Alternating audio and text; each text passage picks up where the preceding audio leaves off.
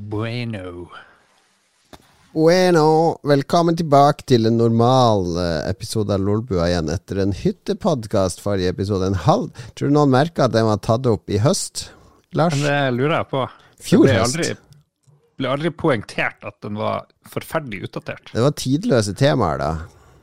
Strømkrise, krig i Ukraina Ja. og raseteori. Penis i tårnet. Ja. Bæsj på do. ja hvor skal man ellers ha bæsj? Nei, det Nei, du kan jo ha den på soverommet, hvis du, er Ja.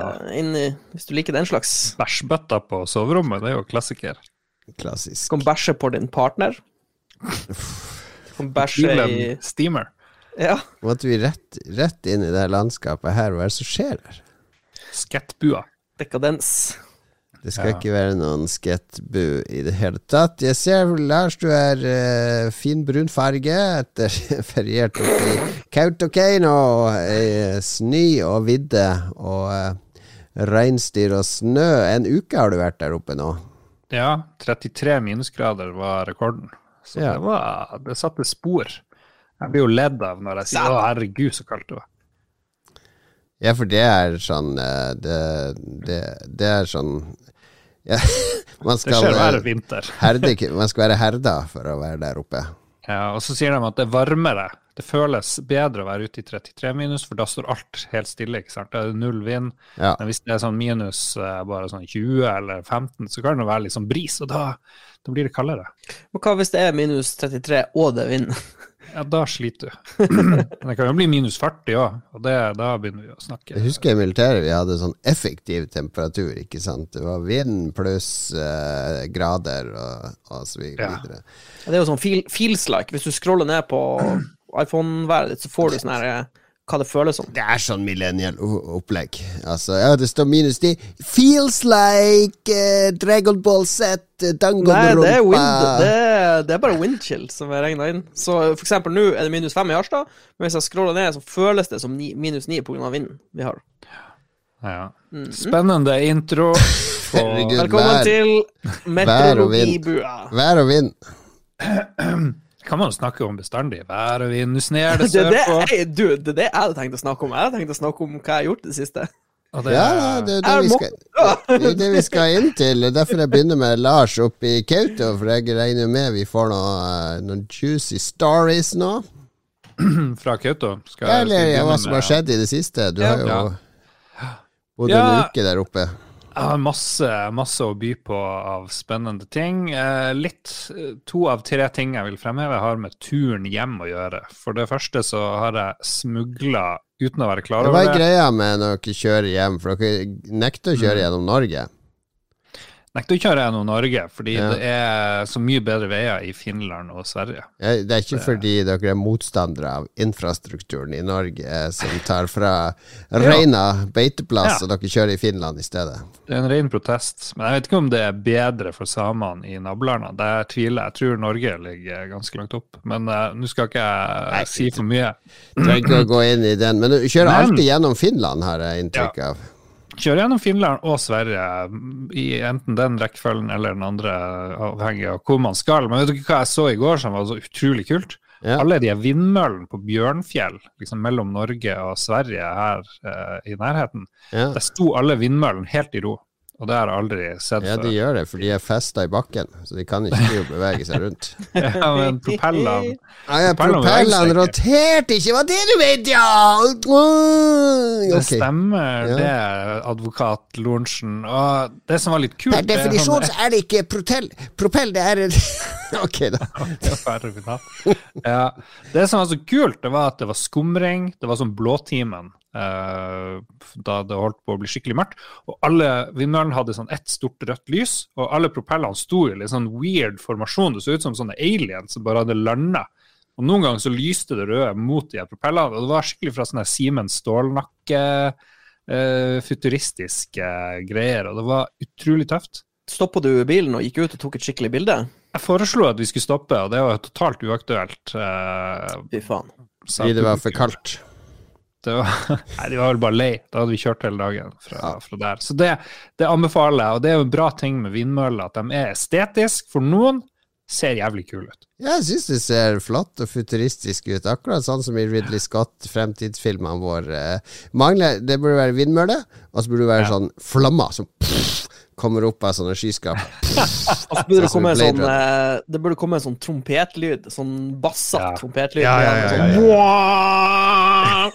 oh, perfekt. En gang i døgnet så bare slipper de ut en sånn vill lyd. Reinsdyrene hadde elska det, for å si det sånn. Oh yes, oh yes. Ja. Men på den turen så opplevde jeg to eh, enorme ting. Og det første var jo at jeg eh, kjøpte meg noe snus, og så ble jeg plutselig litt usikker. Hvor mye snus har jeg lov å ta med? For jeg hørte at det var ulovlig. Trodde du hadde slutta. Nei, det trodde alle. Svak, svak menneske. Svak men det jeg fant ut da jeg googla For det første kan du bare knapt ta med deg fem bokser snus eller noe sånt eh, lenger. Ikke, liksom, kan ikke du ta med en sånn hel pølse? ja, du kunne ta med en hel pølse. Før var det sånn 250 milligrams eh, grense tobakk eller nikotin eller hva det er. Nå er det 125. De vil sikkert ta ned grensehandel. Og det andre er at det ikke er lov å ta med seg den snusen jeg kjøpte som er bare med nikotin og ikke tobakk. For det er ikke lov. Det er ikke lov å selge snus med kun nikotin. Du må putte inn tobakk. Du må gjøre den ekstra farlig i Norge. Så jeg bare innrømmer det her for alle, politi og alle. Jeg smugla ulovlig snus inn i Norge søndag. Må aldri Eh. innrømme sånn. Her kommer narkopolitiet og tar deg med en gang. Ja, ja, narkopolitiet kommer. Ja. ja. Jeg beklager, men når denne episoden er ute, så er Nikotin er et rusmiddel, og når det ikke er blanda med tobakk, så er det et ulovlig rusmiddel, med andre ord, aka narkotika. Nå kommer ATF hjem og skyter Oh yes. Vi må eh, engasjere Narkotwitter med en gang til, i saken til Lars. Det er advokat på saken. Kanskje vi kan sende en mail til deg, Norsk Narkotikapolitiforening? Men det, var, men det var da jeg skulle sjekke hvor mye jeg egentlig hadde lov å ta med, at Ja. jeg fant ut at uh, det var ikke lov i det hele tatt. Det er ingen som bryr seg på de grensene. Nå har noen blitt stoppa på de grensene i Nord-Norge og sjekka. Mm, aldri blitt sjekka for noe som helst. Nei. Grensen. Aldri Ja, fått men- sånn finger i rumpa. Ja, det, det, det tar jeg jo som en bonus. Men altså, da- ikke, ikke i privaten, men i sånn tollsjekk. Jo, jo, jeg, jeg får sånn rimjob hver gang jeg krysser grensa Gjør det. Sverige til Norge. Men det som var enda mer sjokkerende, det var at jeg var så tørst på turen. Så da vi kom til Bjerkvik, så for vi innom Esso, eller hva det var, Shell. kjøpte sånn brus. tolv tolv- Var det 14 timer til å kjøre? Så jeg var tørst hele turen. Kjør, Ja. Kommer til Bjerkvik, så er det på tide å drikke. Nå skulle jeg kjøpe en brus, tar meg og ser rundt. Er det noe tilbud? Så ikke noe tilbud. Tar meg en random uh, Kjøper du, hvis du skal kjøpe brus, kjøper du det som er på tilbud? Det bare sånn Ok, det ble det Gran-cola i dag. Ja, ja, ja. Det kan godt hende. Um, så tok jeg solo med porsjonsfrukt, eller hva det var. Kom bort til kassa, bip! Ja, det blir 40 kroner. Jeg bare ai, ai, ai. 40 kroner for en halvliter brus? Hva er det som skjer med landet vårt og verden? Jeg tror, Har jeg tror Jon Cato knuser deg på det sekundet. Ja da, ja da. Jeg har betalt mye mer enn det som Men kommer eh, til er snart. er det alltid har kosta på bensinstasjonen? Det var ikke bestandig kost Ja, så jeg litt Det verste var jeg var, tenkte faen heller, ja, jeg kjøper den der fittebrusen, og så gidder jeg aldri mer fære. Beklager alle. Hadde det ennå vært fittebrus, så kunne det vært 40 kroner. Eller jeg, tr jeg tror den kosta 30 kroner for sånn 20 år siden. Så kosta det 30 kroner for ei flaske brus på, på benseren. Så det er jo logisk at det er litt dyrere nå enn det var før. 40 kroner, det er sånn magisk grense. Men det verste var at jeg gikk ut, så så jeg på turen, da så jeg reklamen jeg ikke så før. Jeg kunne kjøpt to Solo pasjonsfrukt for 49 kroner, og det gidder ikke den der fuckings fyren i kassa og si, for jeg fikk jo store øyne og sa herregud og Jesus, hvor dyrt det er blitt.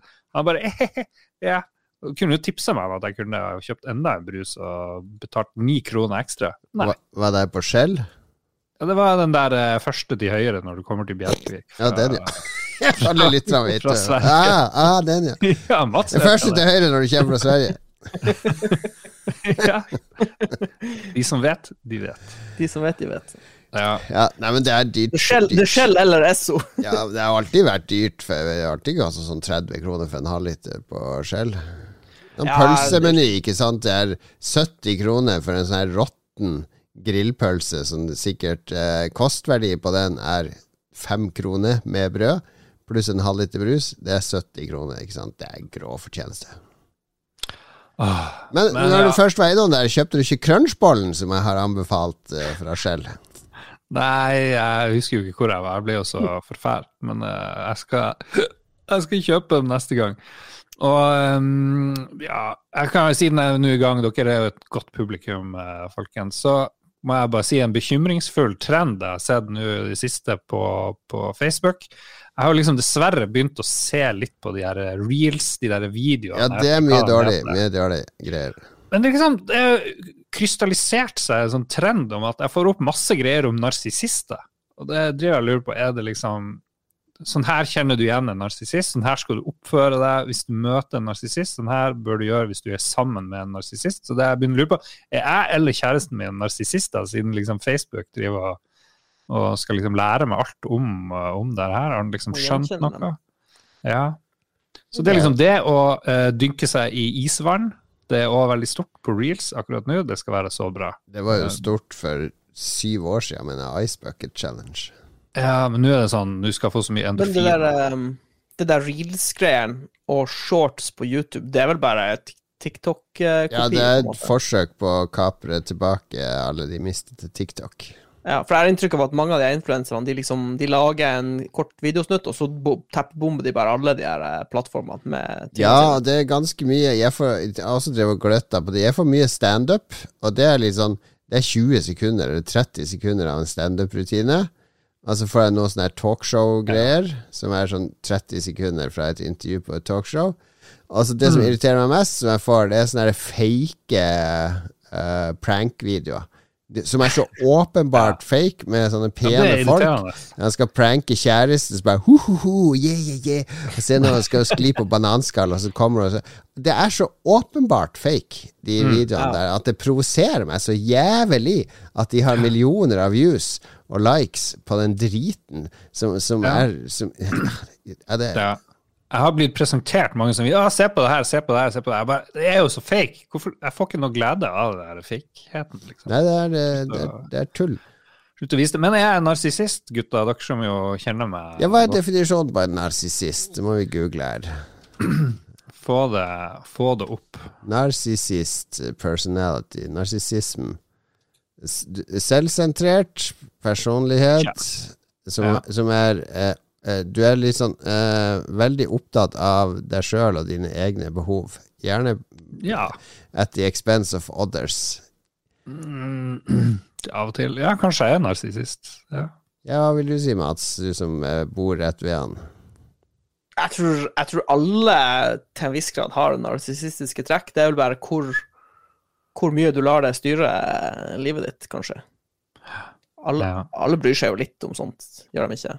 Eller jeg vet ikke. Ja, så begynner jeg å lure på, Er narsissisme en, en diagnose, eller er det kun psykopater som liksom har den der eh, Det er jo et personlighetstrekk. ja. Nei, kanskje jeg må gå inn i meg sjøl, liksom. Altså det er jo, Man skal jo ha normalt Eller det finnes jo et sunt nivå av narsissisme. For hvis du ikke eier det, så tar du jo ikke, er du, tar du ikke vare på deg sjøl i det hele tatt. Ikke sant? Hvis du er på en nega Mm. negativ trend. Men hvem av oss er mest narsissistisk? Hvem av meg og Jon Cato, Mats? Hvem du Jeg vet ikke Hvordan måler man det, liksom? Er ærlig. Hvem er mest selvopptatt? Av, do, av dere to? Mm. Jeg føler dere er like selvopptatt, begge to.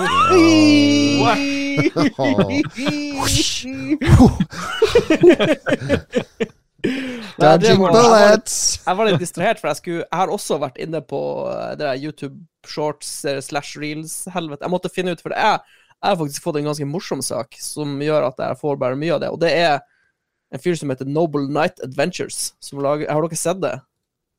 Nei. nei, nei, Jeg kan, eh, ja, jeg kan, vi kan dele det etterpå, men det er ganske morsomt. Så jeg har tydeligvis vært heldig med min algoritme. Er det en ekte knekt?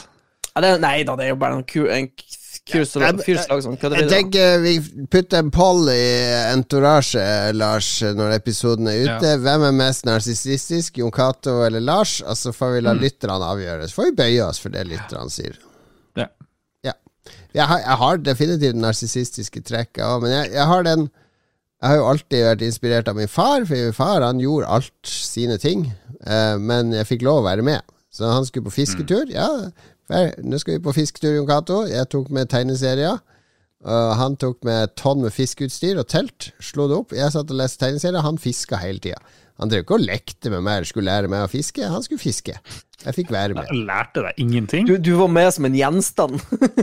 Jeg var med. Jeg fikk jo en naturopplevelse. Spiste ute i naturen og sov i telt og alt sånt. Så jeg, jeg har jo mange gode minner fra det.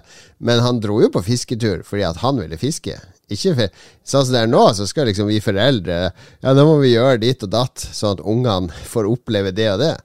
Eh, mens hans holdning var jeg gjør masse rart, og ungene er velkommen til å være med på alt. Som passasjerer. Ja, Ja. er sånn, sånn man lærer. Man må ha noe å strekke seg etter. Ja.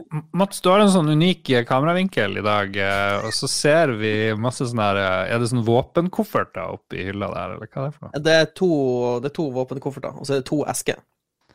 Med ammunisjon? Nei, to tomme pappesker. Og de to øverste dere ser, er sånne du kan frakte våpen i. Sånne Det er jo gråpapir der òg. Og så ligger det faktisk Det ligger 154 meter med gråpapir, for det var på tilbud. Det er det du pakker inn eh, MP5-en i når du skal i butikken. Det er vanlig å pakke våpenet inn i Jeg avispapir. skulle, jeg skulle sende noen pakker, Ja. og så måtte jeg velge mellom å kjøpe en sånn liten fislerull. Kost, jeg tror den lille rullen med sånn her syv meter, den kosta 90 kroner. eller Noe Ja. Og den der 150 pluss meter, den kosta det tredobbelte. liksom. kjør, sånn kjør, kjør på. Trenger alltid gråpapir. ja. Yolo. Jo, Jeg liker vinkelen, da. Ja. Ja, nå har jeg det, Vi kommer faktisk eh, tilbake til denne kameravinkelen og oppsettet mitt Oh. eh, under anbefalingsspalten. Ja, ja, ja, ja, Så Følg, følg med i spenning, folkens! Nettopp. Vi husker det var noen kameraproblemer nylig. Men jeg kan følge i tråden fra Lars, eh, narsissisten Lars, til Ja. narsissisten Jon Cato. Vi skal eh, vi, vi kan jo kunngjøre det her og nå. Det kommer event og sånn på Facebook eh, og sånn snart. Men eh, 27. mai er det vel? Må sjekke kalenderen. Eh, ja, jo, lørdag 27. mai så blir det tilkast eh, i Oslo. Tilkast 3.0. Boom.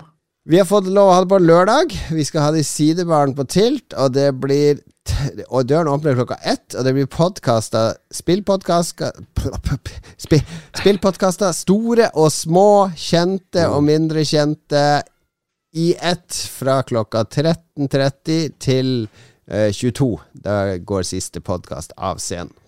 1337 skulle de jo starta. Fra de største til de minste podkastene. Nå banker det på, jeg må gå og sjekke.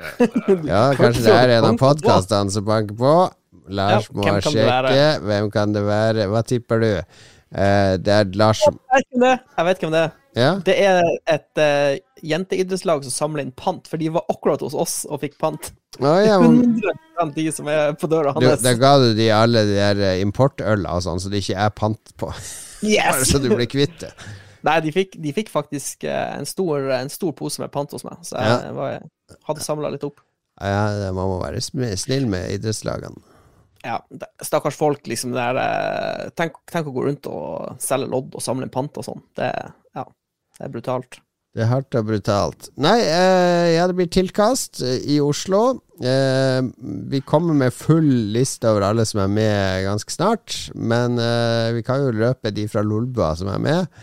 Eh, Lars kommer ned, så det blir en, en Lolbua. Du kommer ikke, Mats. Jeg, litt jeg har et lite, lite, utfordring med noe kursing, som er akkurat i den tida. Så, men hvis jeg er fri og frank, så kommer jeg flygende som en meteor. Ja.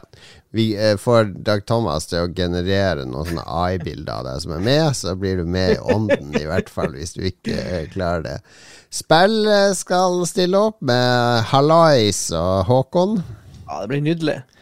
Eh, og så blir det vel litt ragequit, frykter jeg. Jeg tror det er godt mulig at det blir litt ragequit. Ja. Og så dukker det kanskje opp noen gjester og litt sånn også. ja da, det blir litt celever. Det kommer til å bli storslagen, fordi det er jo over to år siden vi har hatt det sist. Eh, så det er mange som savner det å ha podkast for, eh, for et publikum. Det var veldig lett Kan- å spørre folk om å være med. Det alle ville være med. Jo- det, er jo, um, det er jo veldig populært med sånne eh, youtubere og sånn som har, går sånn boksekamper mot hverandre. Ja. Skulle det vært en idé å ha en, en boksekamp mellom noen? Det her har vi snakka om før. Boksing eller wrestling mellom podkaster. Jo da, jo da. Jeg, jeg er med. Mest lyst har jeg til Nei, vi tar en annen gang. Men eh, ja, det blir tilkast. 27. mai. Bare marker datoen. Det er en lørdag, så det, det. Vi, Jeg og Lars satser på å gå på scenen 13.30 før vi blir kasta ut. Vi kan ikke være for seint. En time etterpå. Nå må dere gå. Ja.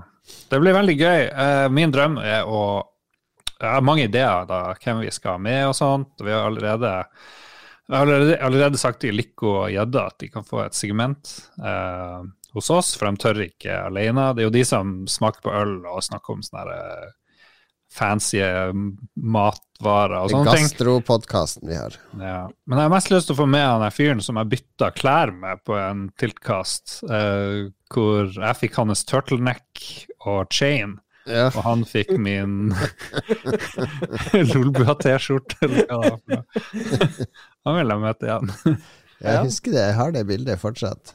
Nei, det blir altså tilkast. Jeg har, jeg, det er mest jeg og Philip som har drevet og orga litt for å få det til. Fordi jeg er jo gammel og opptatt uh, kommunedirektør, så jeg har rekruttert Philip til å assistere og, og holde i tråda litt sånn. Og nå begynner programmet å komme på plass, og da, da bør det bli bra. Det eneste andre jeg skal dele, er at eh, det er en sånn sykt populær ny butikk i Oslo som heter Fast Candy. Eh, ikke Candy som vi hadde i Harstad, der vi kunne leie video.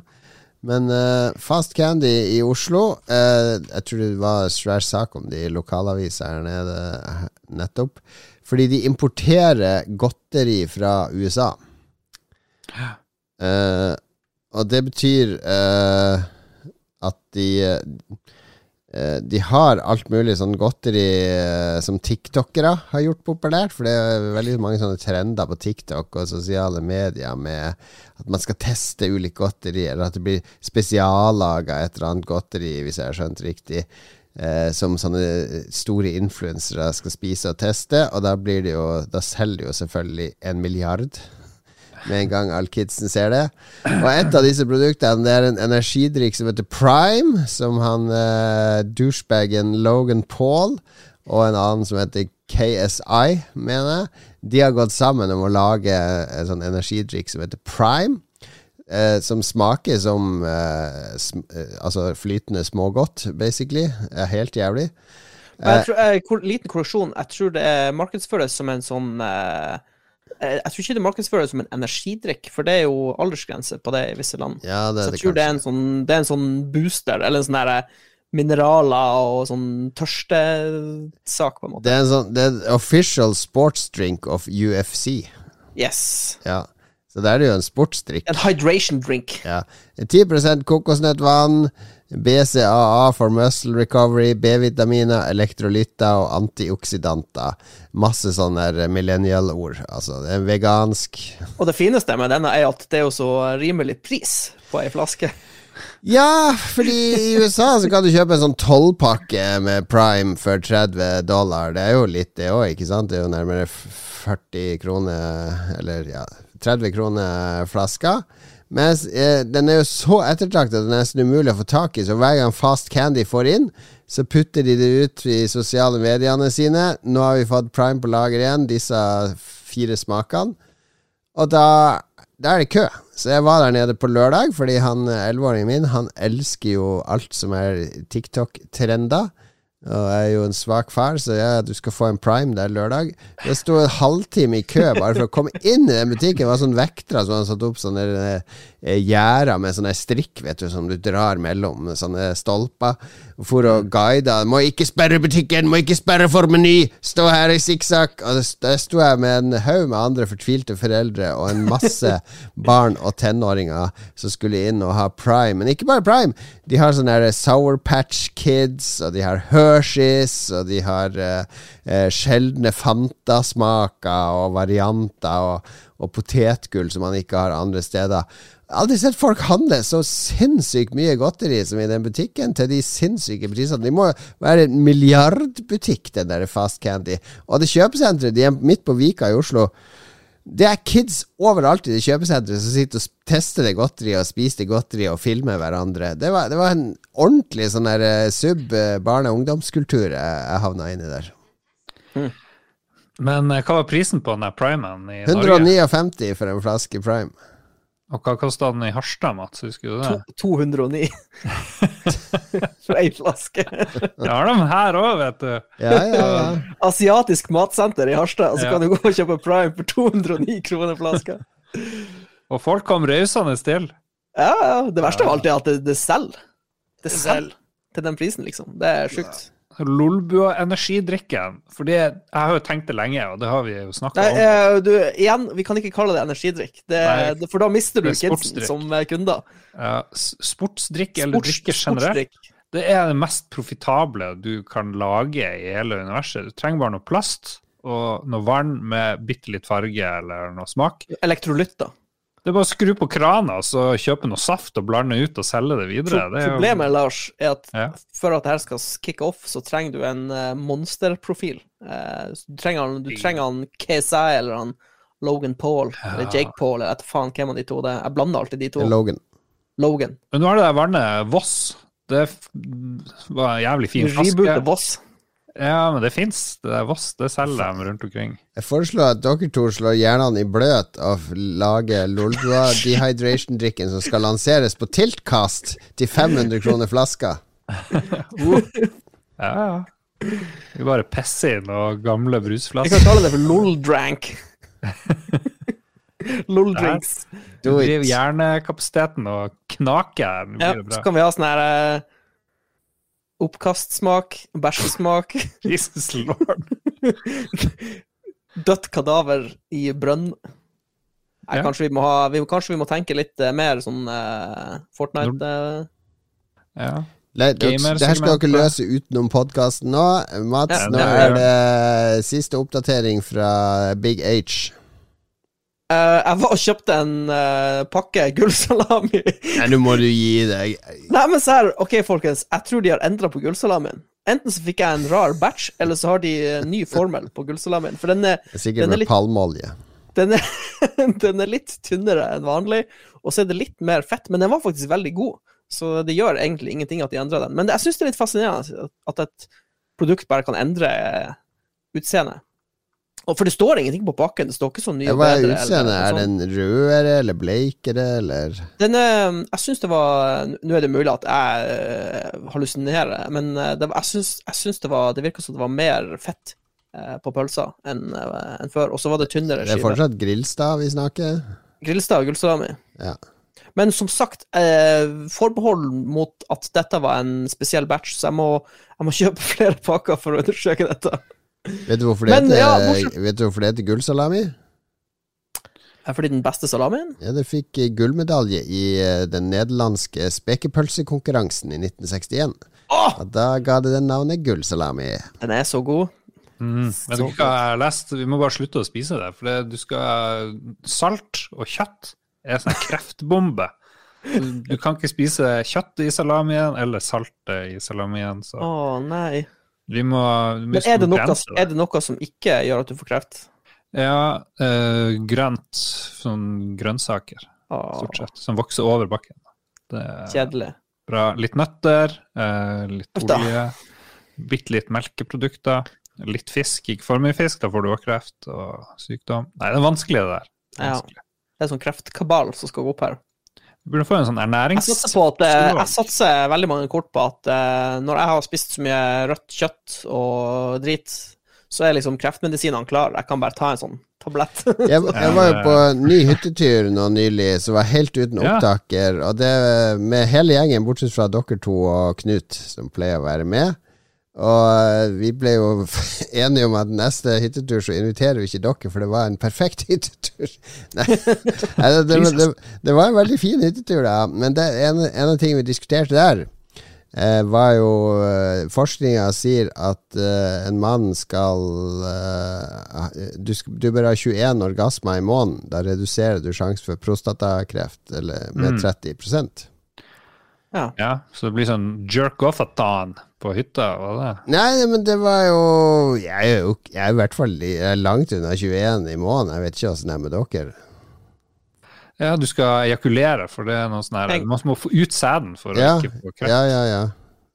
Det er litt mye. Har Det er liksom ikke en, eh, har ikke du en session på ph.com eh, før du går og legger deg? Nei, nei, nei. Det er, hvis, hvis 21 da er jo i- Altså, det er mer enn annenhver dag, ikke sant? Det Ja. er Men det er noe i det der. Med en gang du får deg kjæreste og samboer, så går jo Mens du kanskje hadde en frisk frisk tempo i runking ellers, for du har så mye fritid og, og sånne ting, så er du plutselig Det er mye mer jobb av sex enn å bare runke, og så kan du ikke liksom du, bare why not both? Du ikke den ene trenger ikke være eksklusiv for den andre, tenker jeg. Nei ja, Hva du sier Jon Cato? Yeah. Jeg vet ikke. 21 er Det er jo kanskje i løpet av et år. Jeg tror det er høy som sjanse. Jeg, jeg tenker, på Lars sin, eh, sin frykt for å få kreft, for du følger jo alle sånne her råd slavisk. Ja. Nei, så jeg må jo bare ha masse mer sex eller runke litt sånn i smug. For jeg føler ikke at jeg kan ligge liksom eh, Ha sånn her eh, jerk-off-sesh mens kjæresten ligger ved siden av meg i senga, liksom. Da må jo hun inkludere. Du kan gjøre Det det er jo altfor mye jobb. Du kan gjøre det før du drar hjem, Lars. Vi gjør det nå på kontor, hun vet jo jo Du kan jo si nå har vi podkast hver dag. Altså Egentlig så skal du inn og se på porno. jo, jo. Jeg tror sikkert det er det som skjer. Jeg tror dette er en uslåelig plan. En uslåelig plan. Nei, hadde du noe mer, Mats? Jeg har svært lite på hjertet.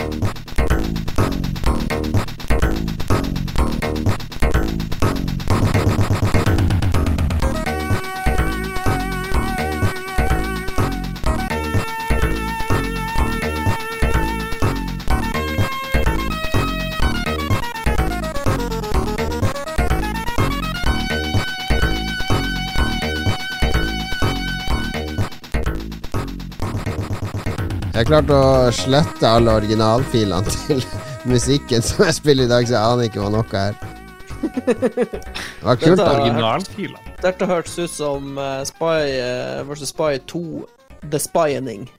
Jeg kan uh, kanskje finne ut hva det er. Det var jo ganske funky rytme. Skal vi se, det er ikke den det er, Jeg lurer på om det der var faktisk Blasteroids. Blasteroids på Amiga var det vi hørte der. Oi. Oi. Kong.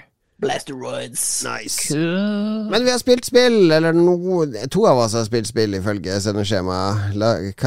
Lytteren kan få Gi lytteren noen sekunder på å dedusere. Ah, ja. Det er Lars, det er Mats og det er Jon Cato som er med. Hvem har ikke Å, nå skjer det noe i den Portal 2, Lars. Det hadde du spilt Ja. for to uker siden òg. Nei, jeg nevnte Portal 1 sist, og det har jeg runda, og det var veldig, veldig bra. Uh, og nå er jeg i gang med Portal 2, som er enda bedre. Så, Cave Johnson. så det er for de som ikke har prøvd det. Jeg snakka senest i dag med en kompis som aldri har spilt Portal-spillene, og det må da for Spiller du eh, Portal 2 med RTX, den nyeste RTX-versjonen av Portal 2, Lars? Jeg spilte det på uh, Switch, har ikke det en RTX? Up the wazoo! Tror ikke det. Nei, men det er Nvidia Light Studios eller hva det heter, som har porta det til Switch, så Nvidia er all over that. Bish. Ja da. er- Portal 1 er så relativt begrensa grafisk, så det flyter nok bra på Switch, det. Men eh, jeg testa litt den RTX-versjonen som kom noen nå nylig, og det er litt artig, det. det det Test environment er et bra sted for å se på refleksjoner og lys og sånne ting. Mm. Mm. Så det Nvidia er liksom De elsker Portal. Det er jo bra. Det er kvalitet, kvalitetsting. Ja. Ja. Nei, men eh, ja, Portal 2, takk. Ja, alle vet hva det er, jeg trenger ikke bruke masse tid på det. Eh, det, det et, et av høydepunktene er jo at stemmen til Glados er mye bedre i Portal 2. Da har de liksom skjønt, gjør gjort den mindre plagsom. Det var litt sånn rar eh, Men du har han der litt plagsomme, han der brilleslangekompisen til Ricky Gervais, han der Steven Merchant. Ja, han er jo har en viktig rolle. Han er jo den som prater mest i spillet. Ja. Han er jo fantastisk morsom. Og JK Simmons er utrolig bra. Og J.K. Simmons enda bedre, faktisk. Mm. ja. Så det, det, det, jeg bare gleder meg til jeg skal møte han Cave Johnson, eller høre stemmen hans igjen. Det blir konge. Ja. Good, good. Jeg har, uh, fikk et tips fra deg, Lars, for det var et spill i, på Eurogamer som fikk Essential, som var sånn rytme-puzzle-spill som heter Rytmos. Ja. Uh, det er laga av noen dansker eller svensker, har jeg inntrykk av. Um, Dansker, tror jeg ja, fordi han, eh, han ene der har jobba også på 140, som er et av mine favorittspill. Det er altså et dansk rytme-action-spill. Og Rytmos er en sånn utforskning i musikkens verden, der du Du skal tegne sånne mønster fra start Du har et sånn start- og sluttpunkt. Altså det samme punktet, så skal du tegne det gjennom noen sånne instrumenter på en sånn todimensjonal flate. Altså Når du først tegner en strek, så må man gå helt til den treffer en vegg. Og da kan den svinge da, til høyre eller venstre ved den veggen. Så du må liksom lage et mønster som gjør at du ender opp tilbake på start og passerer alle instrumentene. Og så er det litt sånn forskjellige regler avhengig av hvilke verdener du er. De Det er verdenene er som uh, The Witness, noen sånne Witness puzzles. Er det ikke det? ja, ja, det er ikke helt Witness. Det er ganske enkle, mange av de labyrintene. Og, men hver, det som er kult, er verdenene, fordi hver verden har et sånt tema, eller hver planet. Det er planeter med små måner rundt, så du løser liksom puzzles på de månene. Hver måne er et instrument, og hver planet er et tema. Så du har en sånn Hawaii-musikk-tema da, som går på stålgitar og noen sånne pinner som skal slå sammen, og sånne ting. Som er autentiske instrumenter, og litt historikk rundt musikken som oppstår der. Og du har en for tysk syntmusikk, liksom. Den liker jeg selvfølgelig veldig godt. Um, eh, elektronika. Altså, du har liksom ulike sjangre som du utforsker, og så er det litt sånn forskjellige elementer som kommer i disse puslene på disse planetene. På den tyske elektronikaen så er det sånne teleportere. Så hvis du kjører den streken inn i en teleporter, så teleporterer den til en annen Altså det er sånn portaler, basically. Den kommer ut av en annen portal. Så det, det gir en ekstra kompleksitet på puzzlene der. Altså, når du kommer et lite stykke, så begynner du å blande inn elementer fra tidligere planeter i de du er på nå, så du må eh, du må ta hensyn til flere faktorer når du skal løse disse puzzlene. Så det er et veldig behagelig puslespill, da, fordi du lager liksom lag på lag på musikken underveis. Eh, og så er det litt tilfredsstillende når du låser opp Når du klarer hele planeten, så får du en sånn vinyl så du putter i en sånn vinylkasse. Eh, men det er litt sånn eh, Det er litt sånn dodgy eh, teknisk. Eh, det er litt sånn Det kunne vært litt mer optimalisert. Det føles rart å si, for det er et så enkelt spill. Men det er, det er et eller annet som skurrer teknisk på det av og til, som irriterer meg. Fordi det burde være sånn 100% polished, en sånn type spill, for at du ordentlig skal komme inn i det. Ja, jeg må innrømme jeg lasta den ned sjøl etter at jeg fant den Ja, det er vel på Switch òg, tror jeg. Ja, det er på Switch, og jeg skjønner litt det du sier om at det er litt sånn teknisk, men det virker som om at uh, menyer og overgang fra et, et brett til et annet, det er litt sånn det er noe sånn seigt og Ja, det er litt sånn der uh, frame drops og det tar for lang tid å starte og slutte å hoppe til nye brett og sånt. Det har Ja. de ikke lært fra, fra mobilspillene, hvor du liksom Her skal det være snappy og tre stjerner. Ja da, men det er bare, det er bare Nå kritiserer vi veldig for å kritisere, fordi totalopplevelsen er veldig hypnotisk og, og, og fin. Ja, Så ja. liker det godt. Kan varmt anbefale det. Koster ikke så mye heller. Nei. Tre kroner. Nei, jeg husker ikke. Akkurat. Mer enn tre. Ja, fire. Ja, Neida, Mats, du, du har testa nye Survival-spillet som jeg ser mange Ja. streamer for tida. Har gjort det, vet du. Nice. Vi har spilt litt Sons of the Forest med noen kompiser. Det er jo eh, til de som ikke kjenner til det, så er det egentlig en oppfølger. Det er egentlig The Forest 2, hvis dere husker, husker The Forest. Det var jo sånn her eh, Early Access uh, survival-spill som uh, var veldig populært på Steam for sånn Ja, ja, ja, syv-åtte år siden, eller noe sånt. Og så er, har de basically lagd en oppfølger, uh, mm. hvor, hvor det er nytt Det er en ny øy, det er nye karakterer, det er ny story. Kort fortalt så um, så begynner du uh, spille om bord i et helikopter, og så er du er en kontraktør eller en, en slags kis som er leid inn med, sammen med noen andre for å finne en sånn, en sånn rik familie som har forsvunnet på øya. Og så Ja. krasjer helikopteret, og så går alt i dass, og så må du egentlig bare Du starter, starter med ei lommelykte og en liten kniv, og, eller en liten øks, er det vel kanskje.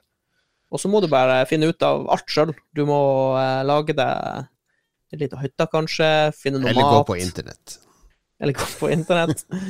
uh, og så er det ei slags historie uh, fletta inn i det spillet her. Eh, bare ved å gå rundt og utforske øya, så, så får du, du får sånne tips, sånne points of interest, hvor du burde gå og undersøke.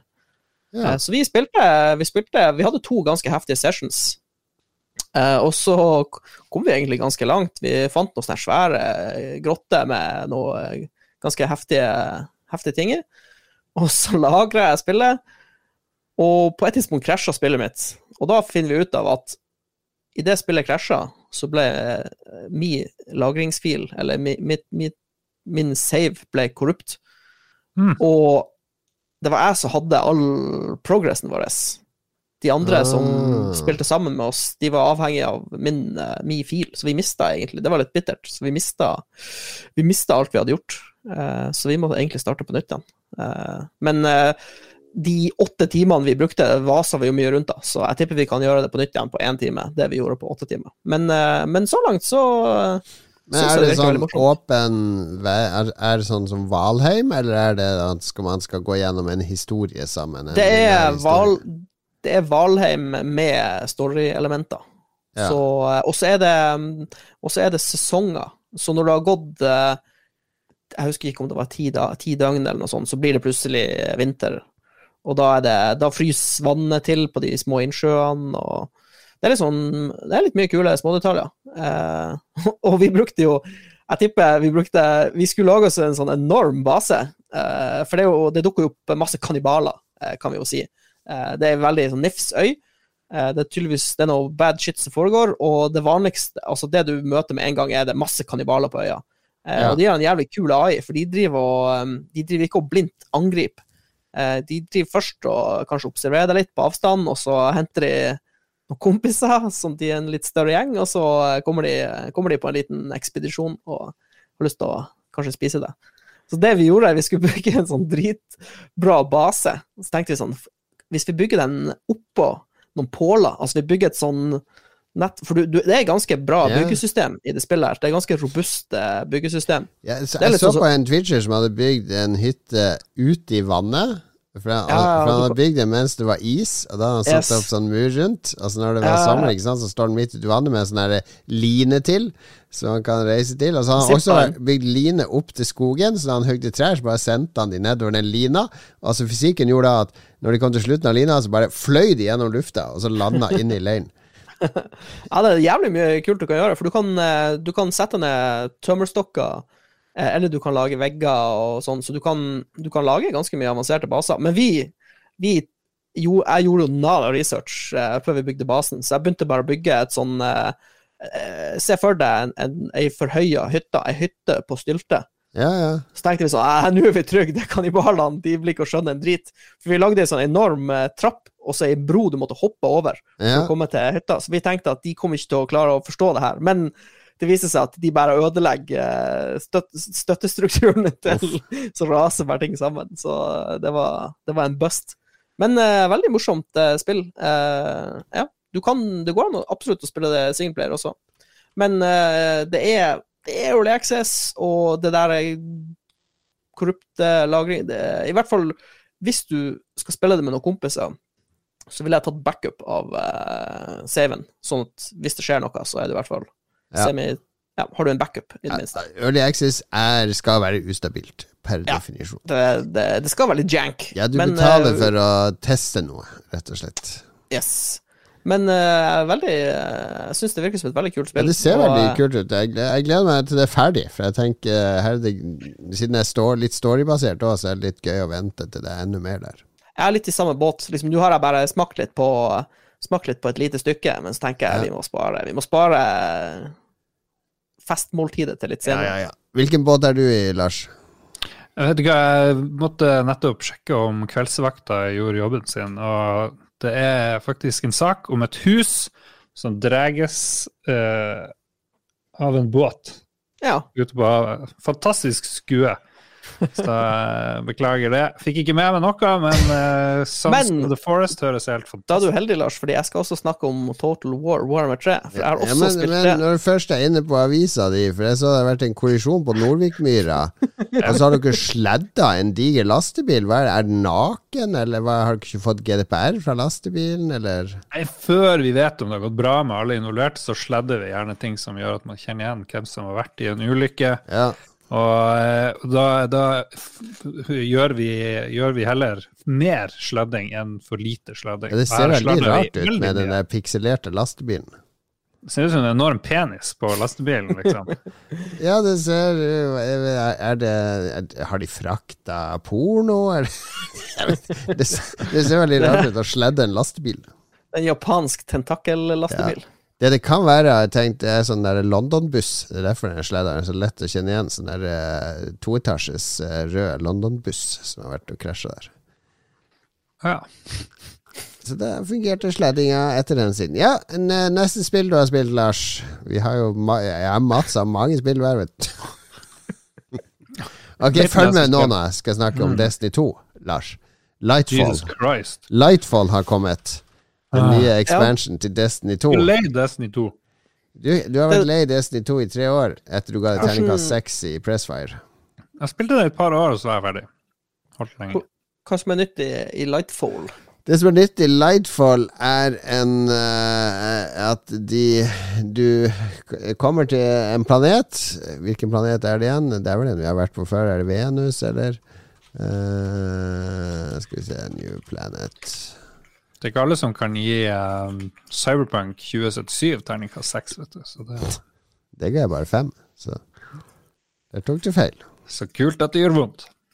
Neptu. Men Neptun, men Neptun, der har de klart å holde skjult en sånn svær by. Eh, altså er det noe folk der som heter Light Nei, de heter ikke Light. Jeg, det så, jeg klarer ikke alle disse navnene. Det er i hvert fall noen sånne kjemper der. Altså det er liksom De ser ut som sånne uh, eh, greske guder. Og så er de liksom tre, tre og en halv meter høy. høy. Altså han som liksom er Du får jo alltid en sånn en ny hver expansion får du en ny sånn karakter, sånn vendor, så du kan gå til å få mission og levele opp og, og grinde. Og han som du får her, det er en sånn der eh, transperson, da. Det ser ut som en mann, men Nei. prater som en dame, og, og står på denne planeten, og eh, Hva er det som har skjedd? Ja, det er noe Det er en som heter The Witness. Han er ganske kul. Han har en sånn der eh, eh, Ser ut som en sånn der Star Trek-alien med masse røyk som kommer opp av hodet i en sånn der han dukka jo opp på slutten av forrige ja, ja, det er han som er uh, bad guy fortsatt. Og så har han selvfølgelig vekk til live han der uh, bossen i Destiny 2, første Destiny 2, han der uh, som vi kjempa mot i hundrevis av timer i det første raidet. Han uh, gigantiske Hva? Mm. Ikke Krota. Krota. oh, han der uh, kabal, kabalduden i det tronrommet med den koppen. Ja, ja. jo. Ja, han uh, Bal. Buddhaen. Gal eller Bal eller hva. Jeg, jeg, jeg, jeg, det, jeg klarer ikke å huske noen navn i Destiny. Men han er liksom lakeien her, og du får en ny sånn der uh, Guardian Power, som er sånn tråder, så du kan ha sånn hookshot. Så du kan uh, dra deg opp på avsatser og sånne ting. Og den er litt sånn underpowered, sier communityet, men uh, fair enough. Det er ny power. Og ellers så er det Jeg driver, jeg driver og spiller gjennom kampanjen på Legendary da. Uh, det, er, det er ganske gøy å spille kampanjen på Legendary, for det er dritvanskelig. Man driver og gjemmer deg hele tida og passer Jeg husker det var, det var noe av det kuleste med forrige expansion. Ja, det er litt som Halo på Heroic i gamle dager. Du må være forsiktig, tenke taktisk, strategisk eh, og så videre. Så jeg driver og spiller gjennom expansion, og det er gøy nok. Det er Destiny. Sønnen min eh, Thomas han har jo spilt gjennom raidet. De ble, det raidet var litt kanskje litt underwhelming denne gangen, for jeg tror de rask, De som klarte først, klarte det på to timer og 40 minutter. Som er veldig raskt i forhold til Last Wish og sånn, som tok eh, et par døgn. Eh, men uh, det, det er mer Destiny. Det er litt Destiny på billigsalg nå. Det er litt sånn Nille-Destiny, har jeg inntrykk av. Det er ganske åpenbart at Bungie holder på med Altså majoriteten av Bungie holder på med noe helt annet enn det her nå. Ja. Ja, Hva med, um, hva med The Traveler? Har han gjort noe sprell? Ja, The Traveler har jo forlatt jorda. Har jo reist opp eh, for å møte flåta til han Witness. Det er ganske kul cutscene når det begynner. Og det, det, han Vitnes og han der uh, uh, kabalduden prøver Carlos. å ta, ta Traveler. Og ja så, så det er jo en masse kaos som vanlig. Og så er det litt sånn kjedelig de her cutscenene i kampanjen, for det er bare han Savala og de som står og ser ut et vindu og prater for det meste. Så, uh, men det er skyting og Destiny, og det, det er sånn Det er komfortmat, rett og slett. Ja, skjønner. Ja. Ja. Why not? Why not? Jeg, har jeg, jeg kommer aldri til å spille Destiny 2. Jeg er klar for Destiny 3. Terningkast 6. Ja, Jeg, jeg må innrømme, det som drepte Destiny for meg eh, forrige expansion, var de der forbanna eh, modene du må ha for å ta de her eh, en viss type champions. At du må, liksom, du må ha den våpentypen med den moden i den arma for å i det hele tatt kunne drepe eh, en sånn barrier champion. Ja, ja, det- du trenger bare å ha åpna det på artifakten, så du trenger ikke å ha på deg en mod lenger. ja. ja, men det er vel fortsatt sånn at det er en viss våpentype du må bruke. Ja, det er bow eller uh, Ja, og det irriterer vettet av meg, for jeg vil bare bruke våpnene jeg syns er morsomme. Jeg vil ikke bruke våpen som er tilpassa champions i en strike eller Ja. Ja, ja, ja. Det Men er, eh, ja da, det, det er morsomt, det. Men jeg er litt, jeg er litt med Lars. Jeg må ha noe Jeg må ha en liten sånn heftig reset. Uh, ja. Er litt sånn nytt. Alt, alt er nytt. har vi noe mer å dele da? Jeg har spilt tusenvis av timer med iRacing, men det trenger vi ikke å snakke om.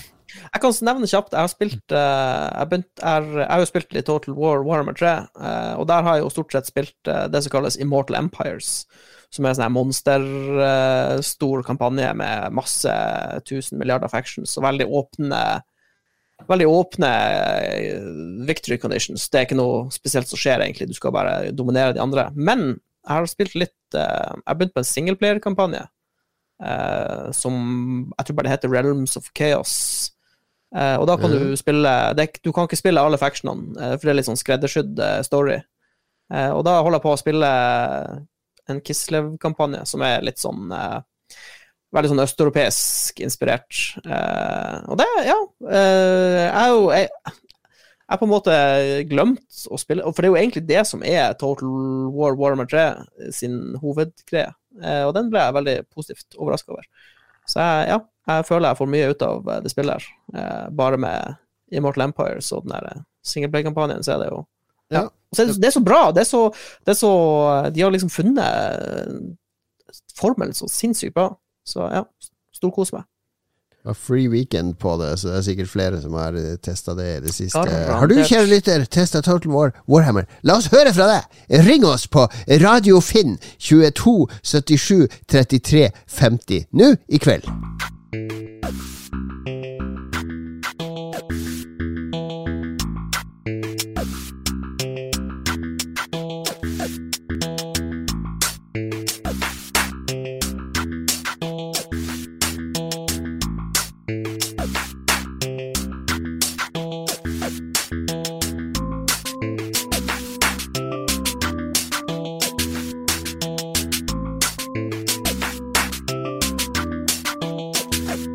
Litt rolig musikk fra Last Call BBS, eh, spill som kom i fjor. Det var vel siste, nest siste spillet fra Zack Gage, puslespillmesteren.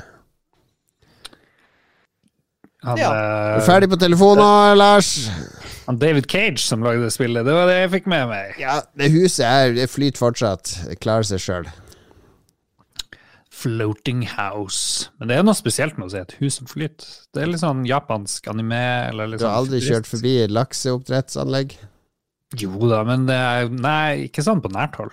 Det, det sånn det er jo det er akkurat det du har bilder på i Harstad. Sånn lakseoppdrettshus som ligger ute med alle tærne. På Ja, men det ser veldig artig ut. Det ser ut som et helt vanlig fireetasjers hus, eller jeg vet ikke hvor mange etasjer. Det er bare sånn på en flåte. et helt vanlig fire, fire etasjer, ganske svært hus. Ja, det er Snakker vi om en blokk. Ja, det er jo en blokk. Hvor mange etasjer er det her greiene? Hvor mange etasjer er det i huset du sitter i nå? Det er to eller tre etasjer i det huset der. To etasjer. Det er jo tre Det er etasjer sånn, det er sånn loft. Det er sånn loftetasje. Jeg vet ikke. Ja, ja. Uansett.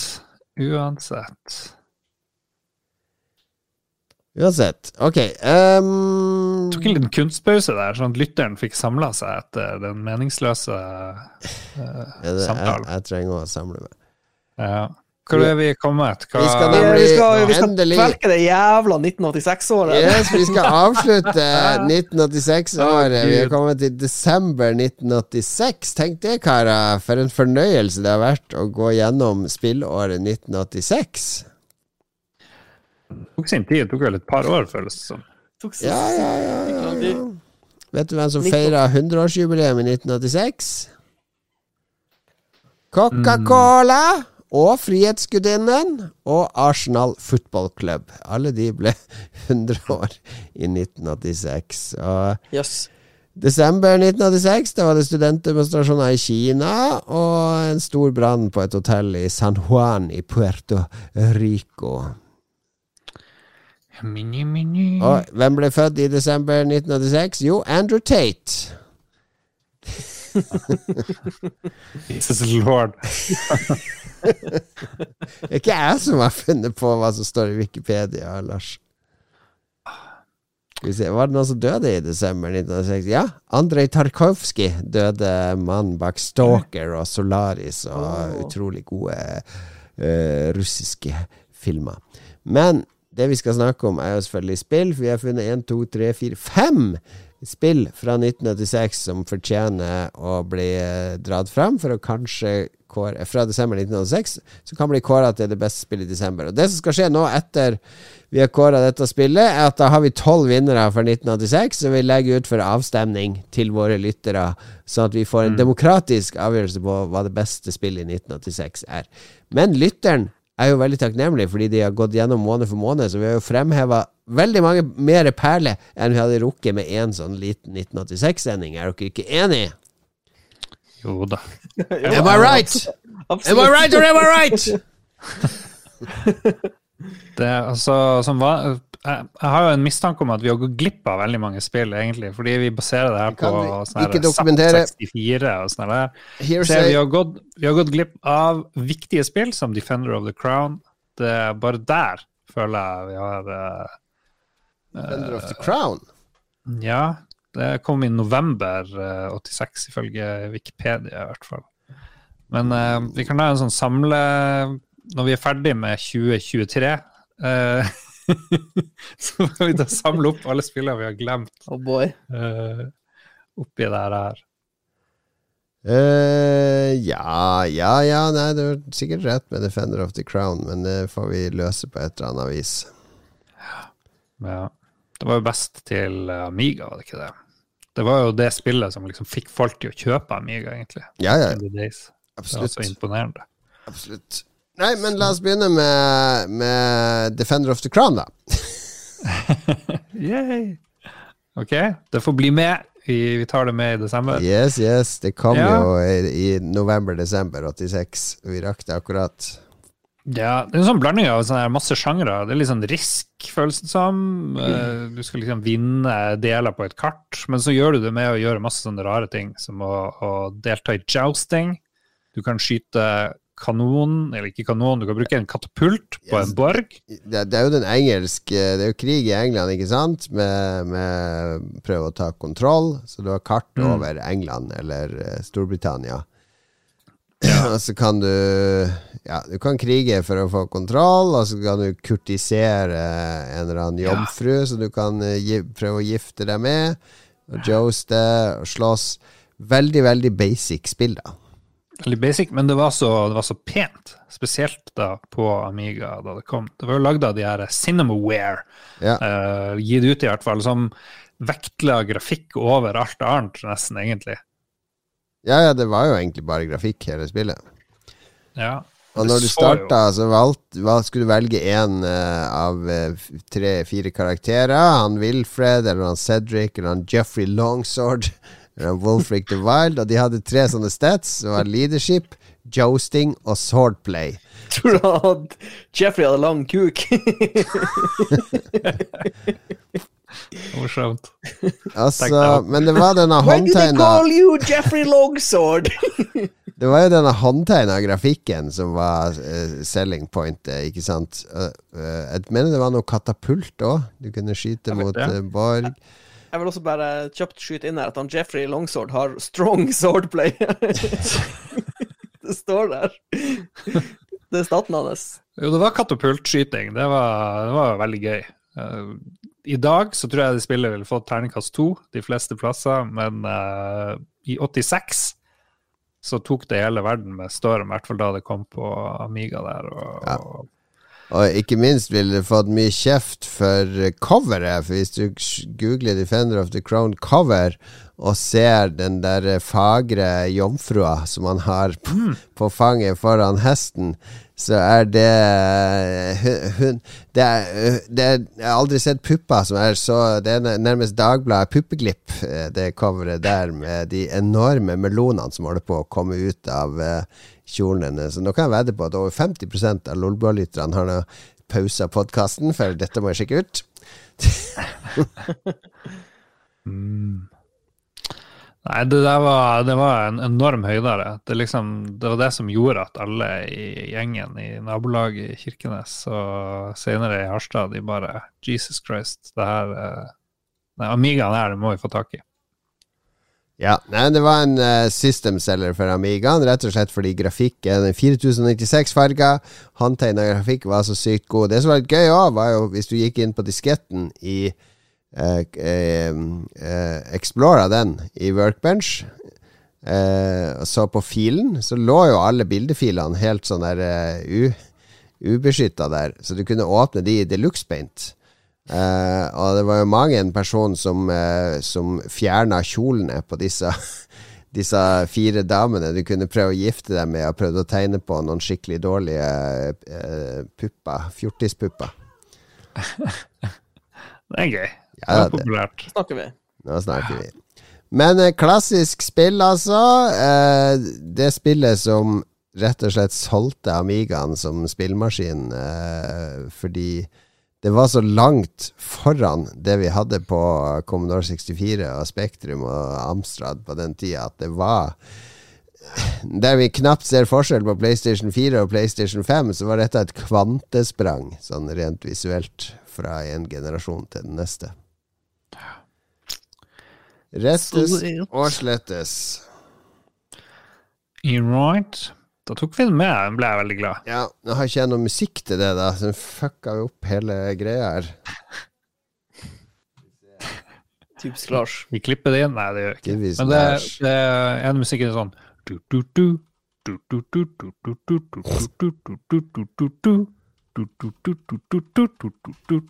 Og så gikk det i loop. Jeg har musikk her, så la oss høre introen på Defender of the Ground. Dere får ikke høre, gutta, så kan dere late som.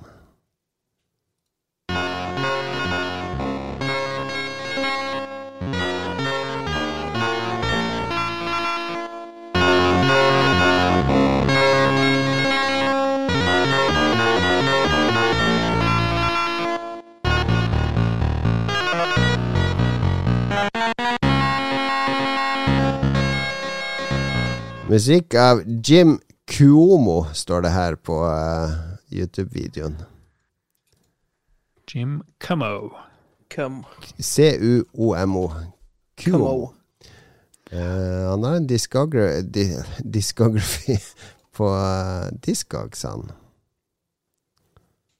Oi. Han har, det er egentlig bare det spillsoundtracket han er kjent for. Artig. Studerte saksofon i Nord-Texas. Yes, dette er gullspalten som bare fortsetter å gi. Vi har Nå er det når man ikke klipper episoder lenger. Vi har neste spill ut. eh, det er eh, Det er et eh, spill som er verdt å ha med av flere grunner. Fordi A. Det er et spill med David Bowie. Han har vært med i et annet spill òg, husker dere det? Um, nei. Han har til og med vært med i et David Cars-spill. Holy shit. Omikron. Heavy rain. O- Omikron på, av David Cars, eller The Nomad Soul, som det også er kjent som, det var jo laga med David Bowie. Uh, David Bowie lagde musikk til det. Ja. David Bowie var jo veldig fremoverlent. Men dette er altså Her er David Bowie med litt sånn uh, eh, Hva heter det Ufrivillig, eller han er ikke direkte involvert. Fordi Labyrinth, det var en film fra Jim Henson som kom på 80-tallet. Og Jim Henson, uh, han vet dere hvem er med? Ja, han dukkemakeren. Ja, dukkemakeren kjent for uh, Muppet Show med Du vet åssen Muppet Show åpner, Lars? Ah, it's the Muppet Show! Det var Kermit som alltid åpner sånn. Ja. Ja. Det Eh, var gull. Det var noe av det lille av kvalitetsutenlandsk TV vi fikk i Norge en stund. ja, vi elska jo Muppet Show når vi vokste opp, men Jim Henson, han eh, eh, Det var ikke bare dette Muppet Show, fordi disse dukken fikk litt eh, momentum. Denne måten å lage film og TV-serier på. Så det prøvde seg jo med litt sånn eh, mer voksne ting. Eh, for eksempel den der eh, Dark Crystal-filmen, som nylig ble relansert på, på uh, Netflix. Ja. Ja, var creepy shit. Creepy shit. Fordi det, det er jo ikke Muppet Det Show. de uten Det er jo ikke en gris og en uh, uh, frosk og en uh, håra trommeslager, liksom. Det, og to gretne gubber som sitter og klager. Det var jo mer en sånn fantasy-verden. Og også Labyrinth var en film som Jim Henson eh, sto bak, med David Bowie i en av hovedrollene, og eh, Jennifer Connolly, en veldig ung Jennifer Connolly, eh, som, som ja, Terry Jones fra Monty Python skrev vel første utkast til skriptet, og det var en stor produksjon. Husker ikke om jeg så den på kino. Det var ikke sånn megahit, men det var hit nok til at uh, det ble et dataspill av det, som Lucasfilm sto bak. Og det er det første eventyrspillet fra Lucasfilm. Altså det er før Maniac Mansion. Så dette var på en måte en precursor til eh, Maniac Mansion. Uh, et spill med ganske store sprites, der du skal gå og utforske en, en labyrint. Og er kanskje ikke Det har en visuell stil og en litt sånn stemning eh, som, som gjør at det har noe for seg, men det, det ble ingen megasuksess, det her heller, altså. Jeg driver og ser litt på en sånn video her. Han ser veldig sur ut, han hovedkarakteren. Han går rundt og skuler hele tida. ja, men det, ser- det er litt Mine er litt Zack McCracken, ikke sant, over stilen og perspektivet og karakterdesignet og sånn. Ja. Det er ikke helt uh, fremmed. Jeg tror jeg aldri fikk spilt det spillet. Jeg tror jeg aldri fikk det Nei, dette har jeg ikke vært borti. i vår neck of the woods, men jeg husker at det, det, det var noe. Men det var vel det som kanskje gjorde at oi, kanskje vi skal lage litt andre spill, ikke bare sånn action, ballblazer og Ja, sånne for de hadde Ballblazer og Rescue on Fractalus og sånn, så Lucasfilm de lagde bra spill på denne tida, men dette var ikke av de beste de hadde. Men vi, tar det med, fordi det er det første Lucasfilm-type eventyrspill, og det er et spill med Bowie, og det er Jim Henson, og det er eh, Den Labyrinth-filmen Jeg har veldig lyst til å se den igjen. Jeg tror det er eh, tror det er Altså Neil Gaiman har lyst å lage en remake av den. Det er, det er litt sånn kultgreier, så jeg tror kanskje den er mors... Kanskje vi skal ha den på neste hyttetur, folkens. Ja. Ja. Jeg har et lite lydklipp fra Labyrinth. Eh, Ikke veldig bra musikk, men vi får holde ut.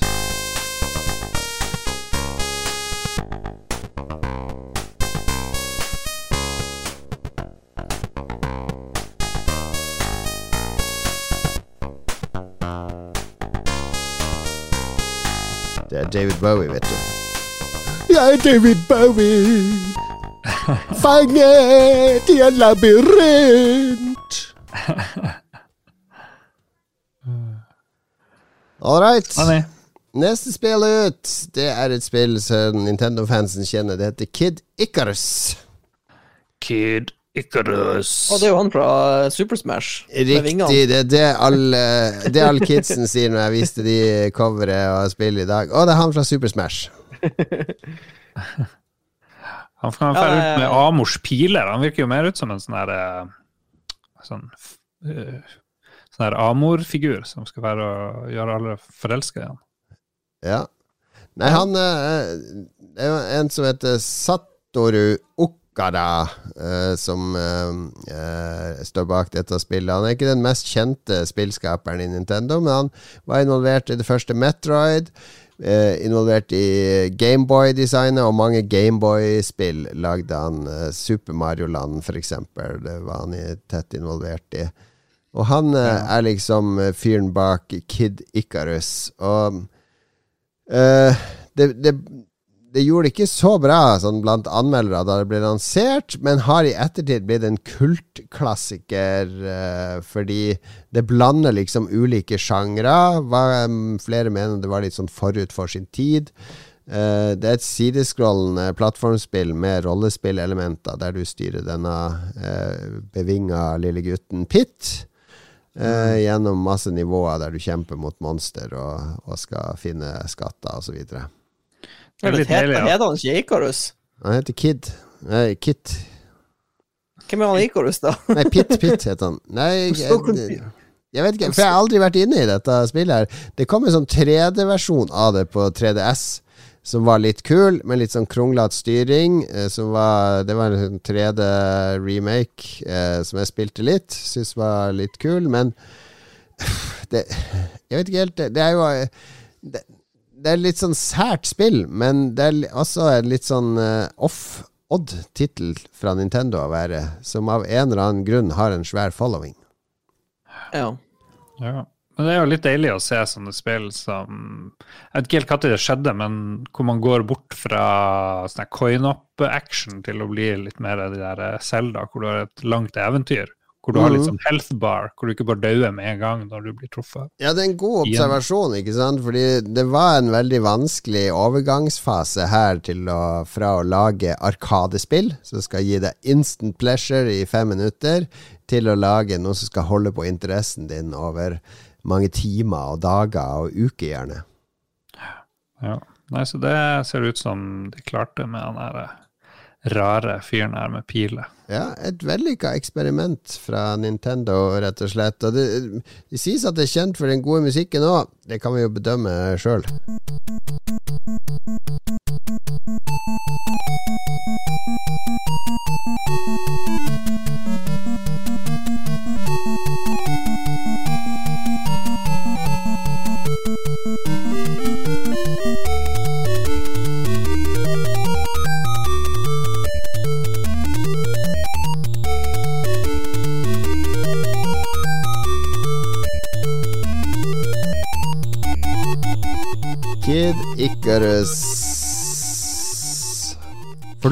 Å det her når du hører om det, Mats, eller er det, har du glemt det allerede?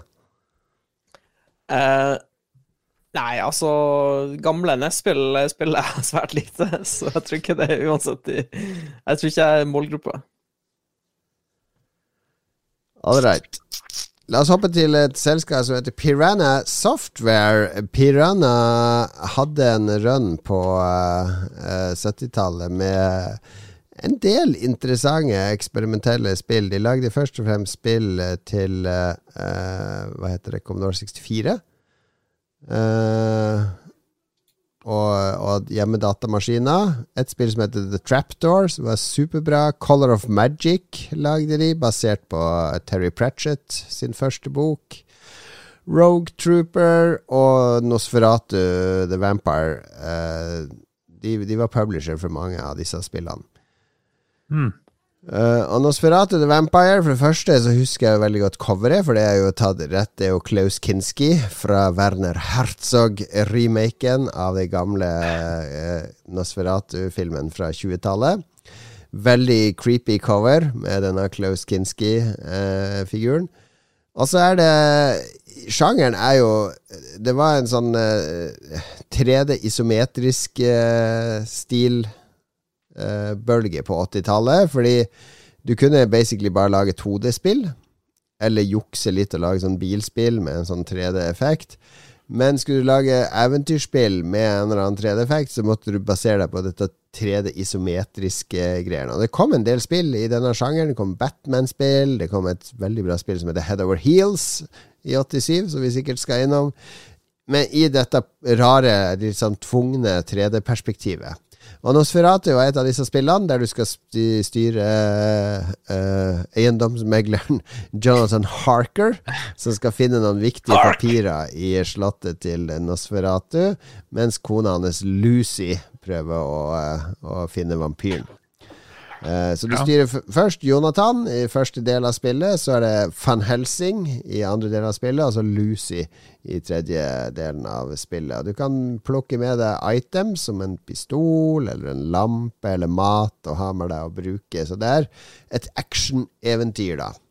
Uh, veldig god grafikk, veldig detaljert. Ser kanskje ikke sånn ut i dag, men på denne tida så var dette storslagent.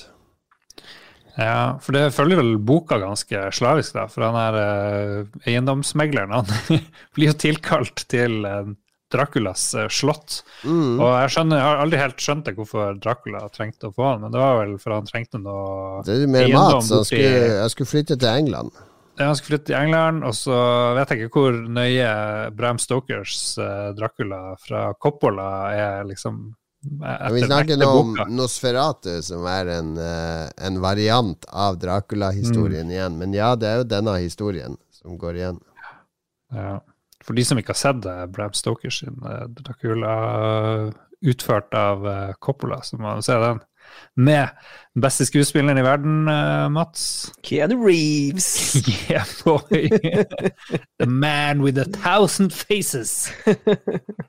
wow. All right. Nei, men en, en, kuriositet, kanskje, mer enn det beste spillet fra denne perioden. Og det går i hvert fall ikke ned i historien for den minneverdige musikken.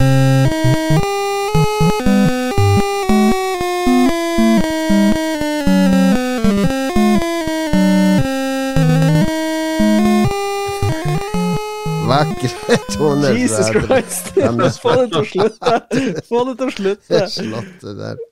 Holy balls. Nei, det, var, det var, ikke noe perle av noe musikk. Nei, nei, nei, så ærlig må jeg være. Ok, Vi har spart to godbiter til slutt. Nå, nå, skal vi inn i et uh, sært territorium. Fordi uh, nå er vi på de mer eksperimentelle uh, Commodore 64 spill, rett og slett, på slutten her. Og Det første heter Mutant. Hadde dere hørt om det før, før jeg tok det med i sendeskjemaet her? Jo, jeg spilte. Jeg har ikke hørt om det her. På videoen. Det var veldig vanskelig å skjønne det spillet da jeg spilte det. i hvert fall. Ja, fordi det er, det er et slags uh, skytespill uh, fra Ocean Software. Uh, som har rykte på seg for å være meget, meget vanskelig. og du har Jeg vet ikke helt jeg, jeg skjønte det aldri når det kom. Skjønte du det, Lars? Nei, jeg bare ser på videoen og skjønte fremdeles ingenting. Mye rare menyer, mye rare ting som skjer. Flyr etter deg. og det, hmm. det, er et eller annet med et biologisk våpen som, eh, som eh, blir brukt til å ødelegge kolonier og planeter som du skal eh, stoppe det på et eller annet vis. Og um, ja Du flyr rundt, du skyter. Det er veldig sånn slags organisk, morsom grafikk. Det er masse ikoner. Det er masse mm. å utforske, og det er jeg var, jeg, var, jeg var, så liten når det her kom, eller jeg var for dum. Jeg skjønte ja, ja. aldri helt hva jeg skulle gjøre i det spillet. Jeg var veldig fascinert av det visuelle og skulle ønske jeg mestra det. Ja, det er, det er, noen design her på liksom fiender og våpen og ting som er helt magisk, som er kjempebra lagd. Ja, det er helt sånn klassisk eh, Commodore 64-ikondesign og litt sånn. Så Eh, det er eh, Dette er et spill som jeg har lyst til å plukke opp igjen nå i voksen alder, med den erfaringa jeg har, og se om jeg, jeg klarer å, å, få noe ut av det. Lurer på hvordan men, uh, manualen var. For vi, vi, hadde jo aldri manualen til spill. Det var et lite minus, selvfølgelig. Hvorfor ikke fulgte han ikke med når du kjøpte eska? ja, jeg kjøpte nesten ingen spill. det var sånn lottomillionærer kunne kjøpe alle spillene de skulle spille på den tida. Jeg tror jeg hadde tre originalspill. Jeg vet hvor mange jeg hadde. Fikk litt blanda kritikk når det kom, men jeg fikk veldig god kritikk i, eh, i ZEP64. Det står, de skriver at du må spille det mye for du skjønner hva, hva, hva, hva du skal gjøre, eller hva taktikkene er, osv. Og, så og uh, de, liker, de har jo alltid likt psykedelia-elementer, osv. Uh, men ja, og god musikk også. Det er Fred Gray, rett og slett, som lager musikk her det ser litt ut som en sånn slags snake, at du skal, legge, du skal lage Du skal fange I stedet for å ja, du skal lage sånne ja. Fange inn sånne områder, på en måte. Er ikke det litt gøy med spill der vi ser videoer der vi ikke helt skjønner ja. hva greia er? Hæ? Vi som, er, vi som har spilt alt. Altså, jeg, det her ser superforvirrende ut. Jeg skjønner ikke helt. Intrigued. Intrigued. Mutants, Commodore 64. Dette skal vi teste ut, rett og slett. Og musikken, den står seg den dag i dag.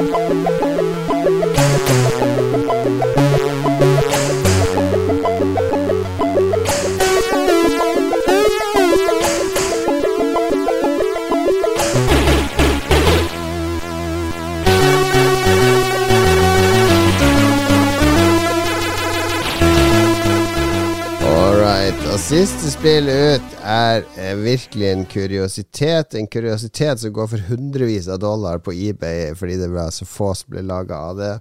En interaktiv eh, roman, blir det kalt. Eh, could, could easily be a TV drama, a film or a novel. Men dette er fra den tida der man virkelig kunne eksperimentere med hva skal et dataspill være. Og Portal er eh, ja, det er, det er en logg til, et, eh, til en, fra en pilot. Det er science fiction-historie, så du skal oppleve gjennom interaksjon med masse ulike ting eh, på skjermen. Uh, it's a computer novel. It would be unfair to compare it in any way with the type of program we normally re review, som ZEP64 skriver.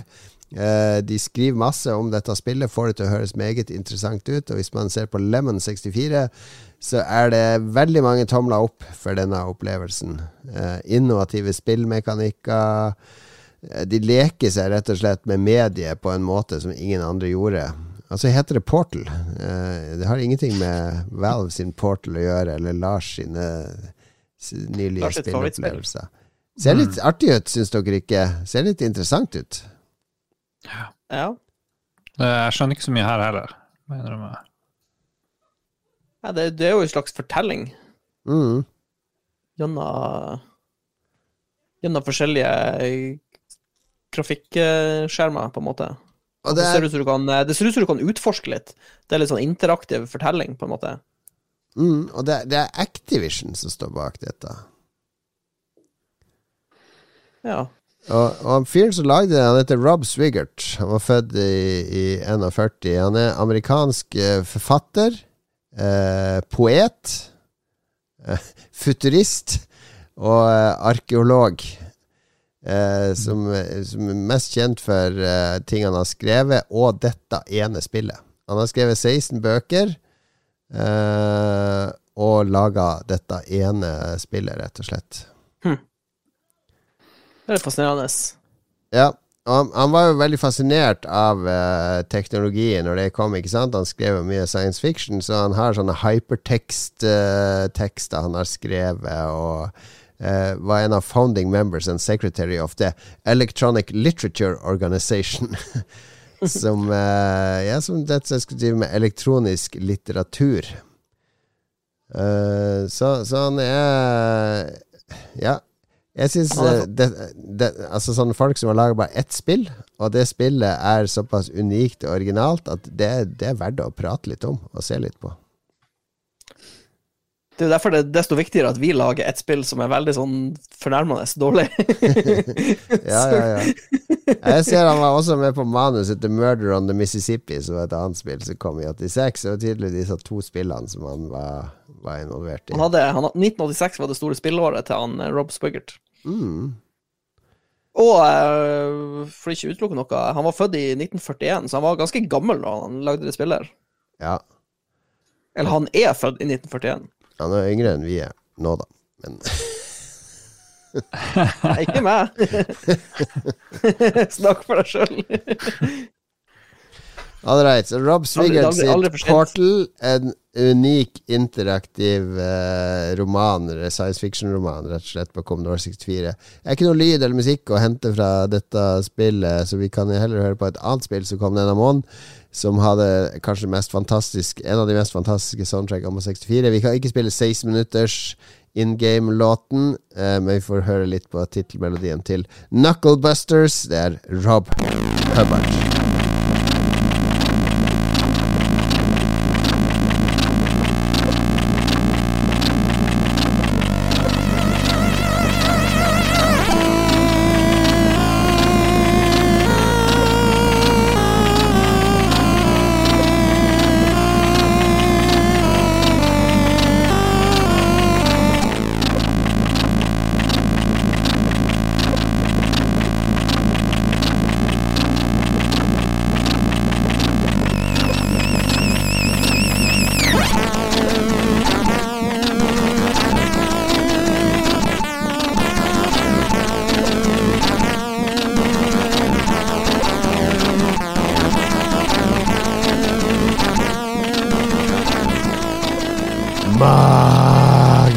Musikk fra Rob Hubbard der, altså. Ok, da sitter vi rett og slett med seks spill. Karer. Det er de siste spillene fra 1986. Ja. Um, mm, det er mulig jeg har en sånn late uh, Late uh, God damn it, Lars. Vi trenger Start. ikke flere spill. Jeg bare det jeg lurer på, Fikk vi med Samantha Fox Stripoker i, uh, i gjennomgangen av uh, Yes, den har vi uh, vært med. Ok, ja, men da er jeg fornøyd. Jeg vil Mm, nominere Portal, for jeg syns Rob Spiggert virker som en dritkul fyr. Ja, jeg også jeg, jeg, jeg følger deg på den, rett og slett. For jeg, jeg har ikke spilt noen av de spillene, så jeg kan bare velge Har du ikke spilt Defender of the. Crown engang? Nei. Ok, Lars, jeg vet du går for Defender of the Crown. Ja, så dere må bare avgjøre det her. Jeg går for da blir det Portal. Portal, rett og slett. Allerede i 86 var det et av de beste spillene. Og det betyr, kjære lytter, at hvis du går på Lolbo Entourage nå på denne uka, på, eh, på torsdag eller fredag Eller skal, kan vi legge sånn poll i hoved-Lolbua-gruppa, Lars? Jeg tror det er kun der vi kan Ja, da, legge på. le- I Lolbua på Facebook så legger vi ut en poll. på, disk på Discord? Jo, det er så mye Da blir det 10 000 emojis, og, Ja, det og eh, folk er så barnslige der. De er mye mer voksen på Facebook. Hæ? På Discord? What? Eh, På Facebook så kan du være med og stemme på hva er det beste spillet fra 1986. Vi tar alle vinnerne fra hver måned i 1986, legger ut i en avstemning, sånn at neste episode så skal vi kåre det aller beste spillet i 1986 før vi begynner på januar 1987. Når var det du var født, eh, Mats? Jeg er født i 81, så nu, altså, hvis, det- vi, hvis det kommer litt flere Amiga-spill, så har jeg sjans. Oh yes, det blir masse Amiga-spill i Yes! 1987. Bare å glede seg, Woo! rett og slett. Nei, oi, jeg glemte å bytte musikk. Eh, Jesus lord! Sånn. Da hører vi på litt uh, musikk. Og så skal vi videre til anbefalinga. Hvis musikken virker.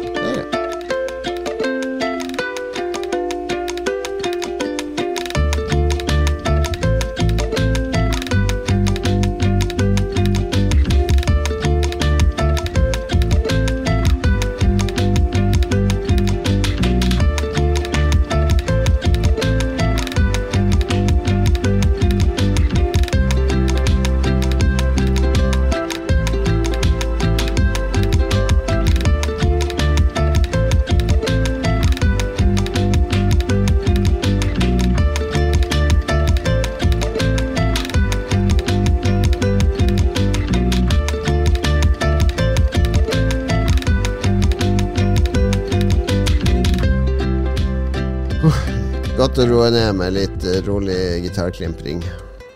Ja. Folk kan bare glede seg til vi skal gå gjennom 87. Det blir sikkert mye drit, men eh, det er jo mye gull òg. Maniac Mansion, Pirates og enorme hits. Jeg så, Leisure Suit Larry. Jeg så, jeg så at 87 var et mer Mats-vennlig år enn 86 var. Ja, det skjer noe eh, Altså, 86 er på en måte det siste av de gamle årene der det var mye Du får en sånn level opp fra 86 til 87 i forhold til eh, eh, både kvalitet, men også eh, rett og slett eh, spillene blir mer innholdsrike og minneverdige. bølge 2. Det blir bra. Ok, Ja. anbefaling, eh, Lars. Eh, ja, jeg har i påska sett TV-serien Magnus på NRK fra 2019, som jeg Ja. aldri hadde hørt om før. Men han der eh, Vidar Magnussen som spiller hovedrollen i TV-serien Magnus, som en litt sånn far out politimann. Det ser ut som han er veldig rik, han bor i et sånn veldig stilig hus og er en oppfinner, men er veldig mislykka som politimann. Men så eh, skjer det plutselig noe rart. Og det er sånn sci-fi humor-nerdeting hele veien. Jeg bare elsker Magnus på NRK, så jeg oppfordrer alle som ikke har sett den på NRK-appen, til å kjøre på, for det er masse budsjett, det er masse utrolig morsomme ting. Det ser ut som først som en barne-TV-serie, men så bare plutselig dør masse folk, og det skjer helt sinnssyke greier. Så, så den, er, den traff meg virkelig. Ja, jeg har sett, eh, sett den, sånn da den kom. Ja. Eh, savner, savner å, få vite om alle de kule tingene som er på NRK. Så jeg er glad jeg har uh, denne podkasten hvor jeg kan få høre om de tingene. Ja, ja, for den har jo overnaturlige elementer, denne. Ja, det er masse overnaturlige ting, det er superheltting, det er sånn der uh, masse Ser ut som liksom påkosta CG, sånn overraskende høy production value på det hele. Så er det, så er det veldig rart. Han ene karakteren, sidekicken, eller en av sidekickene til han der Magnus, han driver og prøver å ta livet sitt hele tida. Han står med sånn pistol i munnen og prøver å henge seg hele tida. Det er veldig merkelig. Veldig mørkt og dystert eh, til tider. Den ble vel uh... Ja, den kom og gikk litt Uh... Den fikk jo aldri sånn ordentlig momentum, den serien, føler jeg. Nei, veldig trist, men den, jeg tror Lolbua-lytterne kommer til å like den. Ja. Det har ingenting med Magnus-TV-serien fra 80-tallet å gjøre, som var populærvitenskapelig TV-program med Harald Mæhle, eh, som gikk på NRK. Oi, nå fikk jeg flashback til det. Ja. ja. Nei, si det. Neppe. Nei, det, det er artig. Har du sett denne, Mats? Du som sluker sci-fi og fantasy.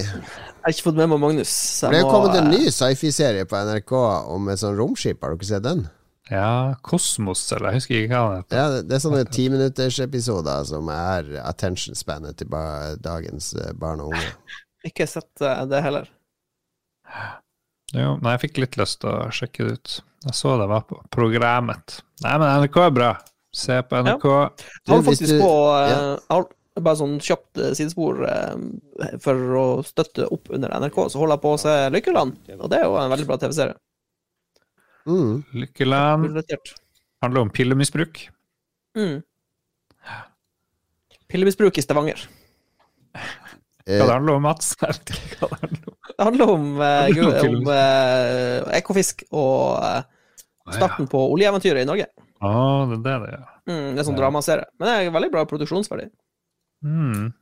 Men det er ikke det som er anbefalinga mi. For eh, Nei, men, men før vi NRK og science fiction, fordi jeg søkte på science fiction med NRK nå, da fant jeg ut at det er en TV-serie fra 1970, to sesonger, 70 og 71 sesong, med Jon Bing og Tor Åge Bringsværd, som heter Science Fiction. Altså, som er en dokumentarserie om eh, science fiction-sjangeren, ser det ut som. Kanskje med noen noveller inni her. Og Areal 618 er en episode. En fortelling om forviste mennesker av Ray Bradbury, som de har filmatisert. Wow. Pappa spøkelsesmann er her igjen. I skyggen av Lynn Gordon heter en episode. Dette ser bra ut. Sorte var de med gullskimrende øyne. En fortelling av Ray Bradbury dramatisert av Jon Bing. Dette! Dette skal jeg se! Dette visste jeg ikke om i det hele tatt. Søk på science fiction i NRK-appen eller på nrk.no. Dette ser bra ut. Og det er skikkelig sånn 60-talls Tor psykedelia. Åge. Bringsverd. Ja, de, Bing og bringsverd er jo de, de er jo pappaene til science fiction i, i Norge. Altså de Det var de som innførte science fiction til Norge, Mats. Ja. Takk Gud for de, da. Det var de som skrev 'Blindpassasjer', hvis du husker den TV-serien. Ja, ikke sant. Ja. Artig. Nice. Nice. Bra anbefaling, Lars. Stjerne Jeg setter den på stjerne. Ja, gjør det. Ok, Mats. Du har noe Jeg har en veldig uh, enkel, enkel anbefaling. Jeg vil ikke Og vet du hva? Jeg kom på en ting. Det er, når du går og kjøper sånn papir uh, på rull, Mm. uh, så er, heter det ikke hvitt og brunt papir lenger. Det heter bleika og ubleika. Ja, ja. Fun fact. Men min anbefaling denne uka er noe så enkelt som et lite program som heter Kamo Studio. Som um, Kamo Gjør- med C eller K? Er C. C for Camo. Camo Studio. Camouflage. Og det du kan gjøre med dette programmet, er så dørgende uh, enkelt som at du kan bruke en gammel mobiltelefon som kamera på PC-en din. Så i stedet for å gå ned på I stedet for å kjø... La oss si du skal i et møte. 'Å nei, du har ikke webkamera. Hva skal jeg gjøre? Skal jeg kjøpe et nytt webkamera for 1000 kroner, eller skal jeg bruke en telefon som webkamera?' Og da er dette programmet løsninga. For du kan bruke Android-telefoner, du kan bruke iPhone, du har, kan bruke Wifi som connection. Og så er det bare sånn trykk, og du, du installerer programmet på PC-en, du installerer, appen på telefonen, og så skanner du en QR-kode, og så er det i gang. Og så er det gratis. Og det er det du bruker nå. Det er det jeg bruker nå. Så går det an å zoome. så kan du gjøre masse kule ting. ja, det er veldig Altså, til å være gratis, så vil jeg si det er overraskende bra. Og så valgte du høydeformat i stedet for breddeformat. Ja, fordi den eneste måten jeg hadde å feste telefonen på, var sidelengs. Så Ja. da ble det sånn. Men egentlig, egentlig Det er noe som skjer med Google Meets, for egentlig så er det 16.9, den videoen jeg tar opp nå. Ja. Den er 1080P 16.9, men uh, Google Meets blir sånn forvirra, så det blir veldig eh, portrettaktig. Det er jo sikkert 16.9 hvis vi vrir hodet sidelengs. Ja, for jeg har rotert uh, videofeeden i uh, Kamo-studio, så det kan hende at eh, Ja, for du ser jo, jeg kan gjøre sånn her. da blir det rett. Da du Men når jeg gjør 16.9. sånn, så blir det feil. Men det er et veldig eh, ja, overraskende bra program til å være gratis. Mm. Mm. Det er ikke Fantastisk. kinesisk, da, går jeg ut fra. Det er sikkert kinesisk. Jeg tipper, jeg tipper mens vi snakker nå, så dør det en person i Taiwan pga. at eh, jeg nevner det. Til å si, tør du å si 'Free Taiwan'? Taiwan number one! Ok, hvis Mats er i live til neste episode, så vet vi om det er eh, kinesisk eller ikke. Ja, Kamo Studio. Jeg skal anbefale en eh, dokumentarserie som ligger på YouTube. eh, helt gratis å se. Eh, den heter Psych Odyssey. Altså Psycho og Odyssey i samme Mhm. eh, Stuck Odyssey. ord. Odyssey. Det er jo Double Fine. Det er jo en dokumentar om hvordan eh, eh, dette spillet Psychonauts 2 ble laga. Tok jo over syv år. Så jeg følger Double Fine fra 2015 til 2022 gjennom oppturer og nedturer, pandemi. Eh, og den er um, Hva skal jeg si? Den, den går jo Den tar deg med helt inn i designmøtene og krisemøter og eh, frykt og drit og lort. Eh, Er det en- litt som en sportsdokumentar, bare at det handler om spill? Ja, altså det er For jeg som har vært i et spillstudio og laga spill og leita etter funding og sånn, den er, denne her er det nærmeste du kommer sånn som det faktisk er å, Flue på veggen? å lage spill. Ja. Altså, fordi jeg- tenkte på Fordi han der Nathan Brown, som jeg ofte snakker om, han skrev litt om denne serien, at når du er spilljournalist ikke sant, og du besøker studioer og sånn, så får du alltid se en fasade. Og så har de forberedt seg, vi kan vise dette, vi snakker om dette, vi svarer på dette. Alt som de viser public da, til pressen, ikke sant, det er uh, Det er nøye regissert hva man viser og snakker om. Fordi du må Problemet med sånn som Peter Molyneux og sånn, ikke sant? Hvis du begynner å snakke om ideer og tanker, så, så, tro, så tar spillerne det som løfter. Hvis du, Mats, sier at Hvis jeg sier at i, i neste episode av Lolbua så skal vi gi 1000 kroner til hver lytter, det hadde vært veldig kult hvis vi gjorde det, så vil lytterne tenke Å ja, vi må høre på neste episode, da får vi 1000 kroner. Og så bare Nei, det var en dårlig idé. Vi skraper den. Hva, du har løyet! Du har lurt oss. Ok, det var et dårlig eksempel. Men hvis du, hvis du sier i spillet her så skal man kunne stjele biler og kjøre biler, så forventer spillerne det. Og hvis du underveis finner ut at vet du hva, det var en jævla dårlig idé, fordi det ødelegger hele det greia her, det skaper ubalanse, vi lager heller sånn her reisemetode. Så blir for, så, altså Du må være forsiktig med hva du presenterer og sier. Men de har sluppet dette dokumentarteamet. De har jo jobba med de før. På den Broken Age-dokumentaren er også veldig bra. De kommer helt på innsida, så de bare får montere mikrofoner på alle og filme alt, inkludert krangler og uenigheter. Og Uh, mye Tim Shaver, selvfølgelig. Han er jo toppsjefen der. Og han er jo også relativt ærlig med hva som skjer.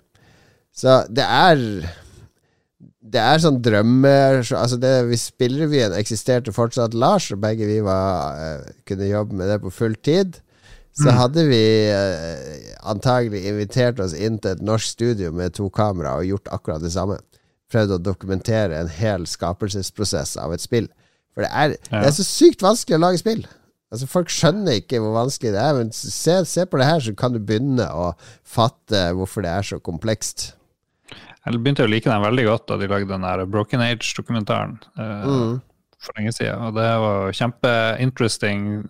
Jeg likte jo ikke spillet så veldig godt da det kom ut, da, egentlig. Det var jo helt greit. Men, det- men det var jo mye morsommere for meg å se dokumentaren enn å spille spillet. Og det er jo enorm eh, verdi. Men jeg lurer på hvordan de har finansiert eh, 32 episoder om Psychonauts 2. Er det Double Fine som betaler dem, eller Liksom, Jeg liksom tror de Double? Fine og disse Det er jo eh, Jeg husker ikke hva de heter, men de, de, er, de har nok et tett samarbeid med disse folka, ja.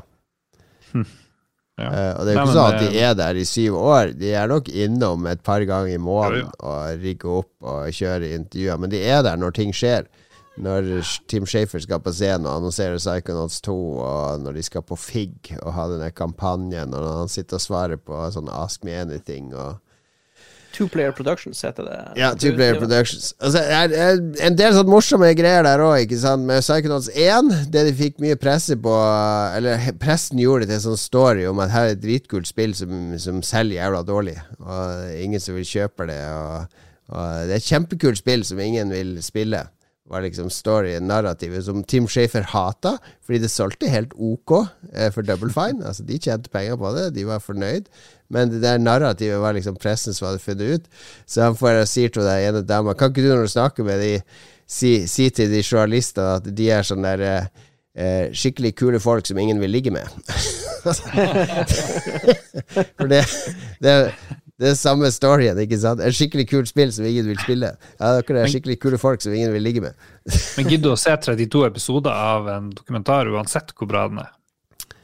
Ja, nå har jeg sett det er omtrent halvveis, og jeg gleder meg til å se videre. Fordi det flyter fremover hele tida, og den prosessen er seig. Og jeg syns det at den er så lang, gjør at du får med deg alle Altså, jeg er i episode i, Du må liksom se seks eller syv episoder før de liksom har begynt å lage spillet.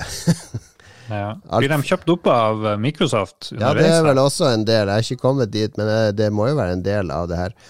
Og de, det starter jo i episode én eller to. Det er jo da, det handler, episode én handler jo bare om Psychonauts 1. Og hvordan Microsoft fucka de. For han, Ed Freeze han, han var jo spillsjefen i Microsoft i starten. Han kom jo og signa de. Dette skal vi ha, dette sære spillet. Altså Når game division til Microsoft vokste seg stor, så orka ikke han mer, for da ble det bare sånn management av folk og, og sånn. Så han ga seg, og da kom det sånn Microsoft-folk til Double Fan. Ja, vi må evaluere spillet deres. Altså, de, de går gjennom sånn der eh, Team Shafer går gjennom sånn der 20 år gammel sånn evalueringsbok. Fra våre tolv fokusgrupper spredd over hele verden har vi følgende feedback og sånn. Eh, for sær humor. Det visuelle fungerer ikke.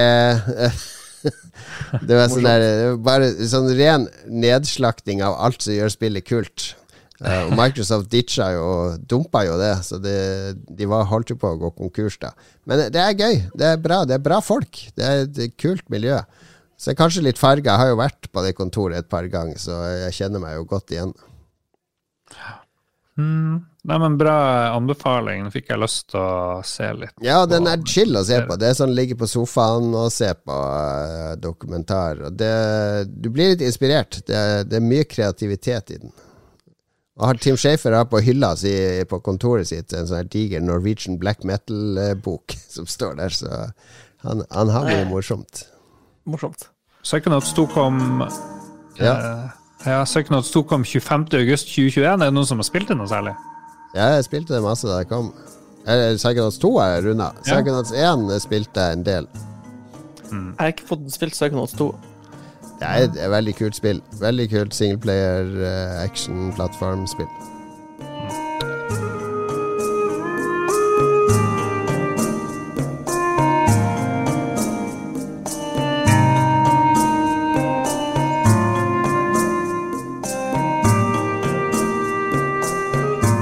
En million lytterkommentarer på slutten nå, Lars. Takk, takk for den, de. Takk, lyttere. Dere er veldig, veldig eh, flinke.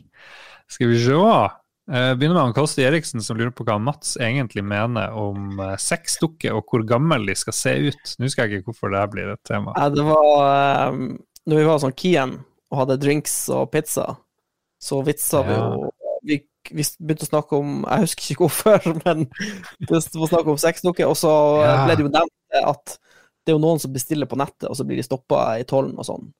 Ja. Og så ble det bare en sånn Det ble bare en levende meme den kvelden om eh, sexdukker og barn, liksom. Så det var, bare, det var bare en veldig dårlig vits. En veldig dårlig vits. Ja, Det var da vi begynte å snakke om å ha sex med seg eh, sjøl. du nevner det i kommentarfeltet, sånn at vi må snakke om det på podkasten. Det setter jeg stor pris på. No, noen vitser burde aldri forlate Ja, et det var der da man begynte å snakke om å ha sex med seg sjøl, hvis man fikk en dukke som var helt lik seg Ja, sjøl. ikke sant. Og så var det noe AI-greier også, hvis det Ja, det var mye, mye Ja, rart. Det er veldig internt. Det er ganske dyre sånne dukker. Er det sånn second hand-marked for de? Garantert. Hvis du bare vasker det skikkelig, så er det sikkert lett å selge på Finn. Uff. Så lenge du har fem stjerner. Ja. Han Kristoffer Gettoboys Hansen eh, spør på svensk hva tyks om JC i din DND. Jeg var med og spille DND i går med Philip og gjengen. Ja, hvordan gikk det? Var det mange som døde? Eh, Og playkarakterene? Nei, ikke Ingen! Prøvde Philip å drepe de andre spillerne? Det er jo det jeg begynte å bli vant til han skal gjøre når vi har sånn rollespill. De er jo Du- eh, Du, du spilte en NPC. Ja, Jeg spilte en eh, pen, rødhåra dame. De er jo så omstendelige. Så jeg satt jo der i to timer, og det var en og en halv time med at de var innom to butikker og pruta. Ja. Men det er jo eh, rollespill i et nøtteskall, da. Ja, det er Ting jo går aldri i det tempoet jeg DM-en har lyst til. Det er kanskje det. Det er kanskje det. Det ble veldig omstendelig. Jeg, jeg er nok mer utålmodig som både DM og spiller. Ja, nei, jeg ser den lett. Eh, Men Adrian ja, det var gøy å være med. Jeg er utrolig proff, han der eh, DM-en. Og så har jeg jo aldri Jeg har aldri spilt Dungeons and Dragons eh, online før. Jeg er jo, er jo gammel gubbe. Må jo ha fysiske terninger og blyant og viskelær og character sheet og sånn. Eh, minst mulig skjerma.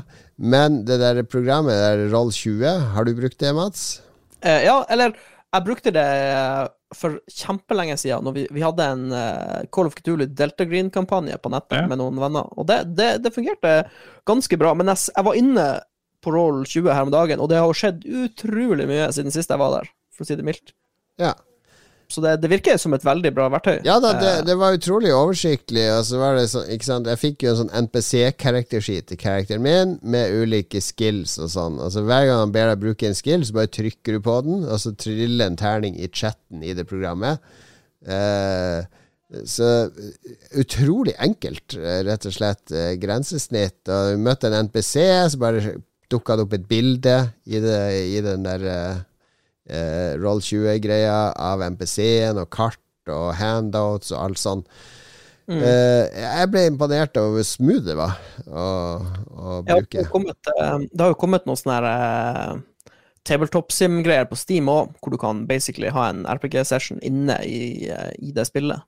Mm. Du, kan ha, du, kan lage, du kan lage kule 3D-modeller av landsbyer. Det, det var det vi snakka om med Carl Thomas eh, når du Ja, ikke, var med. ja. For han har spilt det i PlayStation 2-VR, og jeg ser du har det på wish-listen din.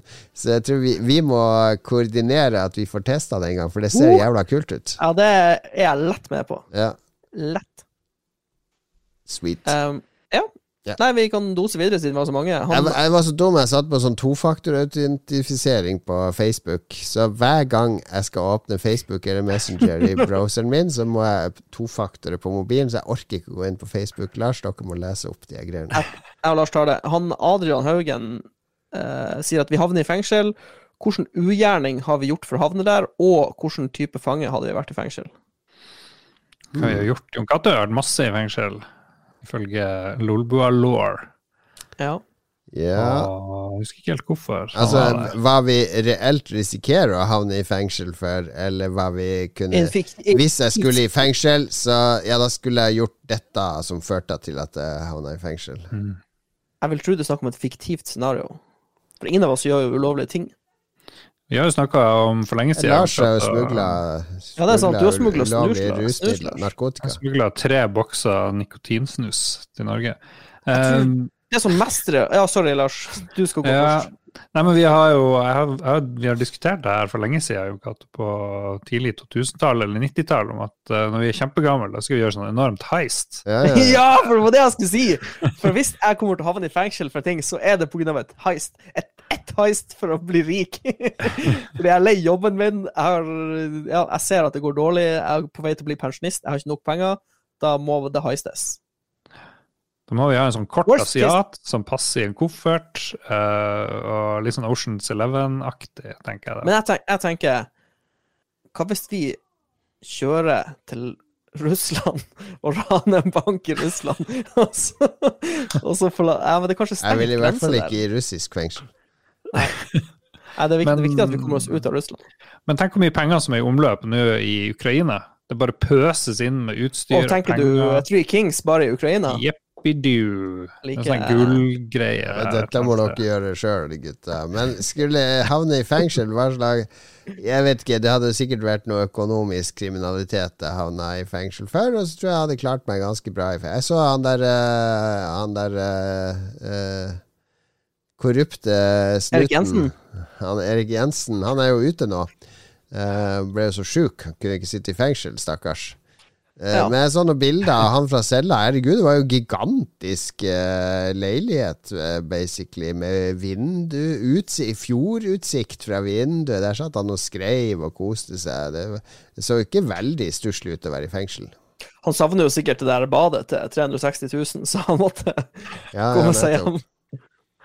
Nei, Jeg tror, um, jeg tror, for å svare på det siste spørsmålet, så hadde jeg vært en veldig uh, ålreit fange, og jeg hadde smiska så mye som jeg kan med vakten for å få uh, perks. ja, der, der, får du juling av de Nei, men altså, jeg hadde, ikke, jeg hadde ikke snurt- Brownose hadde Mats. Jeg hadde ikke snitcha på folk, men jeg hadde vært kompis med vakten. Hadde du skjenka hvis du fikk beskjed om det? Skjenka han her i, i dusjen? Her er kniv. At vakten ber meg om å gjøre det! Nei, han der, han der digre gangsteren, han som styrer hele celleblokka. Mats, vi kan gjøre oppholdet ditt her OK. Jeg kan gjøre det til et helvete. Ser du han snitchen der borte? Skjenk han i dusjen. Skjenk meg i dusjen. Ja, det spørs. Nå må vi, da må vi snakke om hvor, lang so, hvor, lang, eh, hvor lenge skal jeg sone, hvordan Ja, du, fengsel er du har vært ute på heist. Vi har blitt tatt. Det er 15 år. Det er basically 15 år, ja, men da må jeg skjenke han, fordi Ja. 15 år Det er er lang tid. Nokas, Nokas 2 vi har vært med på her. Ja, men da, da har han fyren Han har ikke sjans i dusjen. Han kommer til å bli Han er sykt død. Og, og tvisten er at det var Lars, da. Det var Lars som drev og snitcha på alle. Lars var konge, kongen av fengselet. Beklager, Lars, men eh, jeg måtte gjøre det. Ja, ja. C'est la vie. Sånn kan det gå. Hmm, hvem er vi? Kristoffer Karlsen, hva er det dummeste vi har kjøpt så langt i år? Året er jo ganske ungt. Oi. Eh, han, jeg vet, han Lars Nei, han eh, Jon Cato kjøpte ei Prime-flaske med Prime. Det er vel det dummeste han har kjøpt. Ja, det jeg må, jeg må kanskje være det dummeste Det har jeg ikke kjøpt til meg sjøl, da, men nå har jeg kjøpt til meg sjøl. Jeg, har faktisk vært eh, så Jeg har vært veldig sånn fornuftig så langt i år, så jeg har ikke kjøpt så mye dumme ting. Eh, jeg prøver frenetisk å komme på noe Jeg Det har vært relativt fornuftig, jeg òg. Solo til 40 kroner føles som det dummeste jeg har kjøpt de siste 24 timene, i hvert fall. Ja, jo, vet du hva? Eller, jeg, jeg, kjøpte den, jeg kjøpte den i fjor, men den kom, den kom nå. Jeg- jeg- Det var en sånn en greie jeg støtta på Kickstarter. Så det er sånn her, det er basically et fancy skrujern til sånn her 1000 kroner. Men det ser, det ser nesten ut som en lyssabel. Det ser jævlig kult ut. Så egentlig var det ikke et dumt kjøp i det hele tatt. Det var et jævlig kult kjøp. Ja, så jeg jeg vil ha video, det, video, altså. video på det i Entourage eller Jeg skal fikse. Nice. Ja. Eh, Jeg tror vi det må være flaske Prime, altså. Ja, jeg tror han Cato knuser oss med den Prime-flaska der. Helt sikkert. Stian Skjerven sier følgende Månelandingen til Apollo 11 skjedde aldri. Det var en PR-kampanje for å vinne våpenkappløpet. Det var mer et utsagn han kom med der. Det er konspirasjonsteori. Ja. Eller Men det- faktaopplysning. Det var jo Kubrik som filma månelandinga. Det vet Ja. vi jo. Sier så. Mm. Simen Rudeløkken, hvilken kake liker vi best? Jeg spiste i Jeg er veldig glad i Blodkake! Jeg er veldig glad i eh, sjokoladekake, hvis jeg må være, være veldig Sjokoladekake med vaniljeis er en eh, banger. Ja. Jeg spiste på nytt for andre gang på to måneder eh, sitronmarengs, eller hva det heter. Fantastisk godt. Utrolig mettende. Så jeg liker kake du kan spise og bare spise og spise sånn halve kaka, liksom. Jeg hater alle eh. kaker, men hvis jeg må velge en, så blir det vaffelkake. Hey! Ja, det er fin kake. Eh, Ok, la oss si resten av livet ditt skal du spise Du må spise Velg én kake som du skal spise Sjokoladekake. hver dag. Hver dag Sjokoladekake. resten av livet. Du tar. Jeg tar klart vaffelkake. Kan ha på brunost en dag, kan ha på rømme en dag, kan ha på syltetøy en dag, kan ha pølse i vaffel til og med. Vaffelkaker trumfer alle kaker. Det er jo ikke en til og kake. det Det heter jo heter akkurat kake. som kuruke, liksom. Det er jo ikke noe uke. Det er jo bare bæsj. Men eh, neste kaka er jo mamma sin romkake, som jeg òg har lært å lage. Den er Ja, du, du lager Du har faktisk eh, Jeg vil si den én-til-én kopi av din mors kake, den du lager. Den er litt sånn nifst bra. ja, Din mors kake Ok. Ok, da går vi videre. Han eh, Ragnar Veien Tundal lurer på hvor opptatt vi er av å følge metaen, skråstrek optimalisere spill. Føler vi at det kan ødelegge for spillgleden?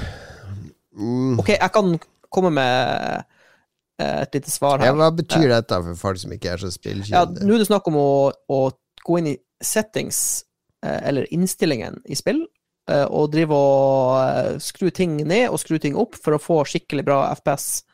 Eh, eller du skal få en det du har lyst på i dag. For, I gamle dager så var det bare maks FPS, uh, uansett. Ja, ja, men Er det det han mener? Er det ikke sånn der eksempel i Tarkov at du bruker den gun som er mektigst nå, den ammoen som er er ja, mektigst ja, nå? Ikke sant? jo, For det jo, er å følge metaen og Eh, okay, okay, optimalisere beklager. måten du Nei, men- spiller på, ikke sant? Jeg tror- Gear jeg- og loot og uh, jeg lurer på Jeg, jeg misforsto, fordi jeg trodde han mente eh, Jeg trodde det var et todelt spørsmål. Som i metaen, som i å, å game, finne det mest game-breaking skitten. Og så trodde jeg han mente med grafikksettings, men jeg tror du har rett. Ja, nei, eh, det er, ikke sant, du har en klasse, ikke sant, og så har du masse skills, uh, skill tree, og så er det å optimalisere skill treet for maksimal DPS eller defense eller altså, det, det, det å finne synergier er jo bare morsomt, syns jeg. Det Ja, men Følger du maler på nettet, sånn at du følger den I, I Marvel Snap, dette er veldig relevant for deg, Lars, så er det jo ja. rulende meter. Så man bygger en dekk som Dette er den beste dekken akkurat nå, og så prøver man å bygge den for å vinne mest mulig. ja. Det er litt kjedelig, for du møter veldig mye samme dekks fordi alle leser de samme Nettopp. rådene. Ja, Så det er litt gøy.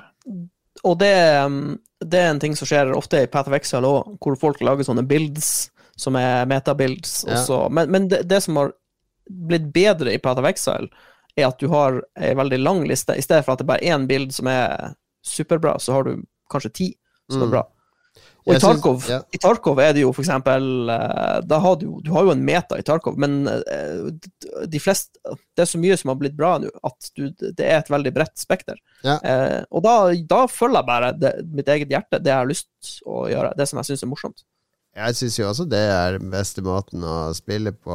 Så sjekke noen guider, altså plukke noe her og tilpasse det til sin egen spillestil, kanskje. Det eneste er når jeg spiller f.eks. Uh, iRacing. og jeg kjører en Mazda MX5 på uh, Virginia International Raceway, så er det Det er én uh, raceline, og her bør du bremse så mye og begynne å tørne så mye, og når du kommer til denne farta Altså, skal du ha beste rundetider, så er det en optimal måte å klare den leppen på. I tillegg så må dekktemperaturen og banetemperaturen og alt være riktig. Så i det spillet så prøver jeg hele tida å forbedre meg til å kjøre ideelt.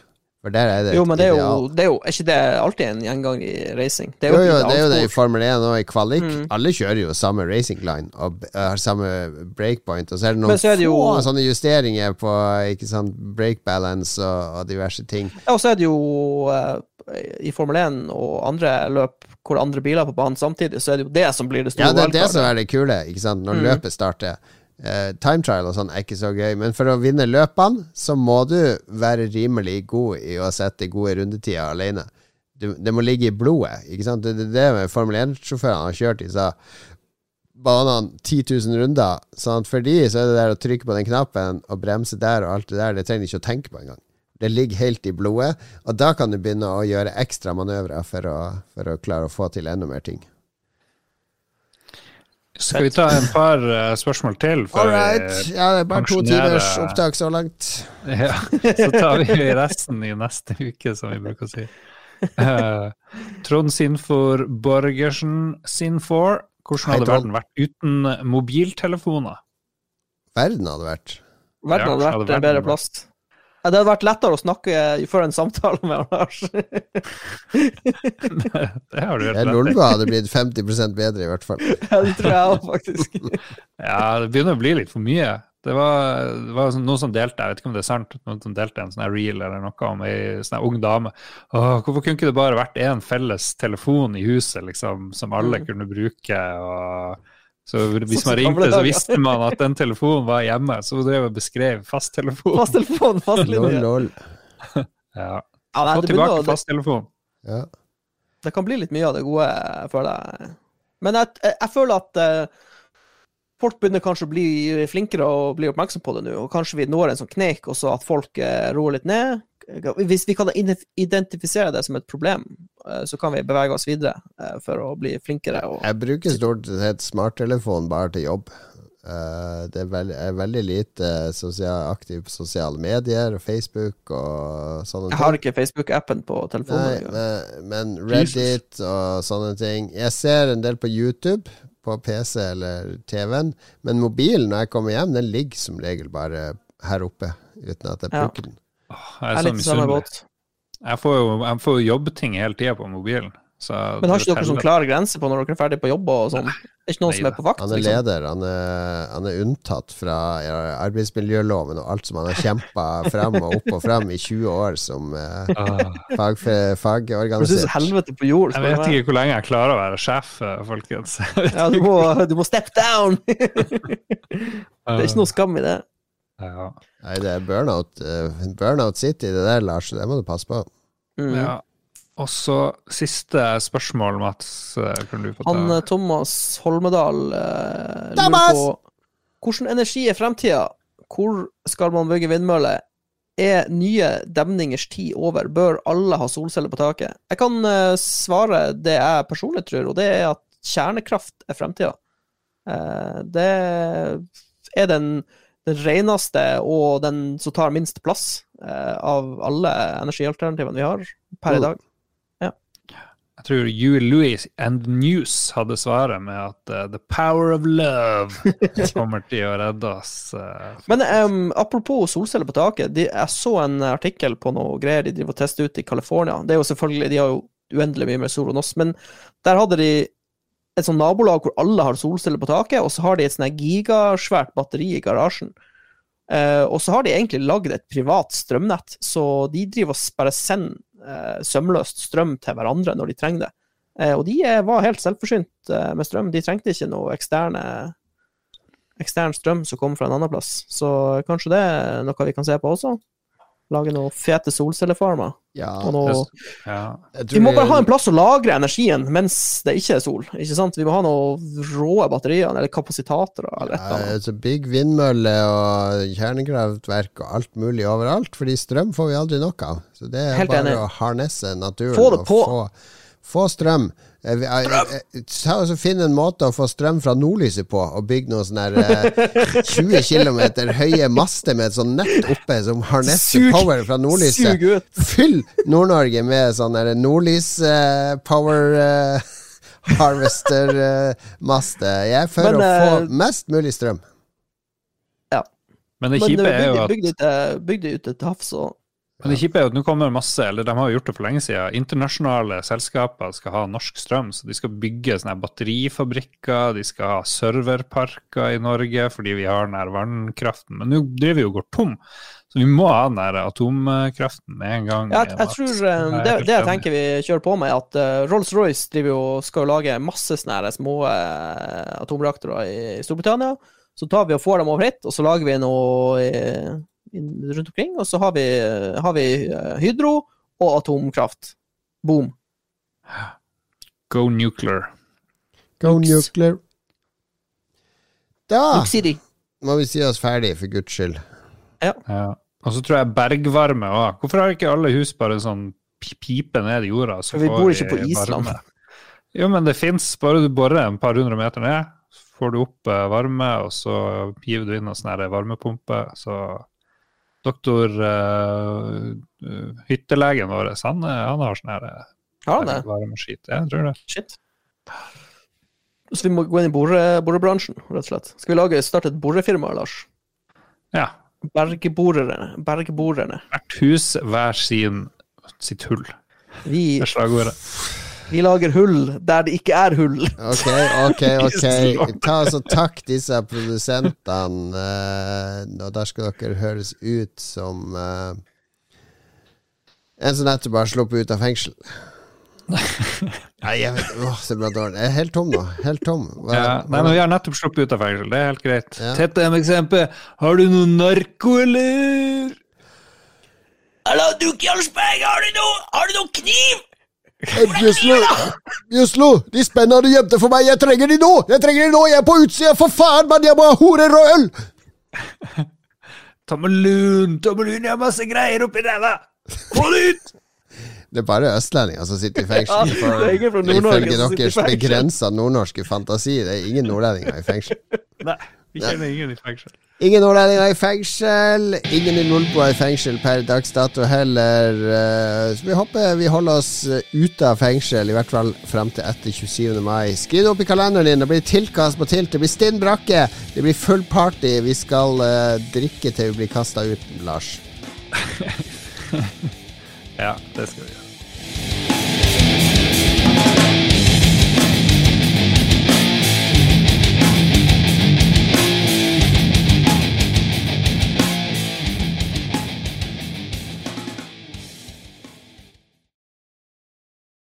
Har du et enkeltpersonforetak eller en liten bedrift? Da er du sikkert lei av å høre meg snakke om hvor enkelt det er med kvitteringer og bilag i fiken, så vi eh, gir oss her, vi. Fordi vi liker enkelt. Fiken superenkelt regnskap.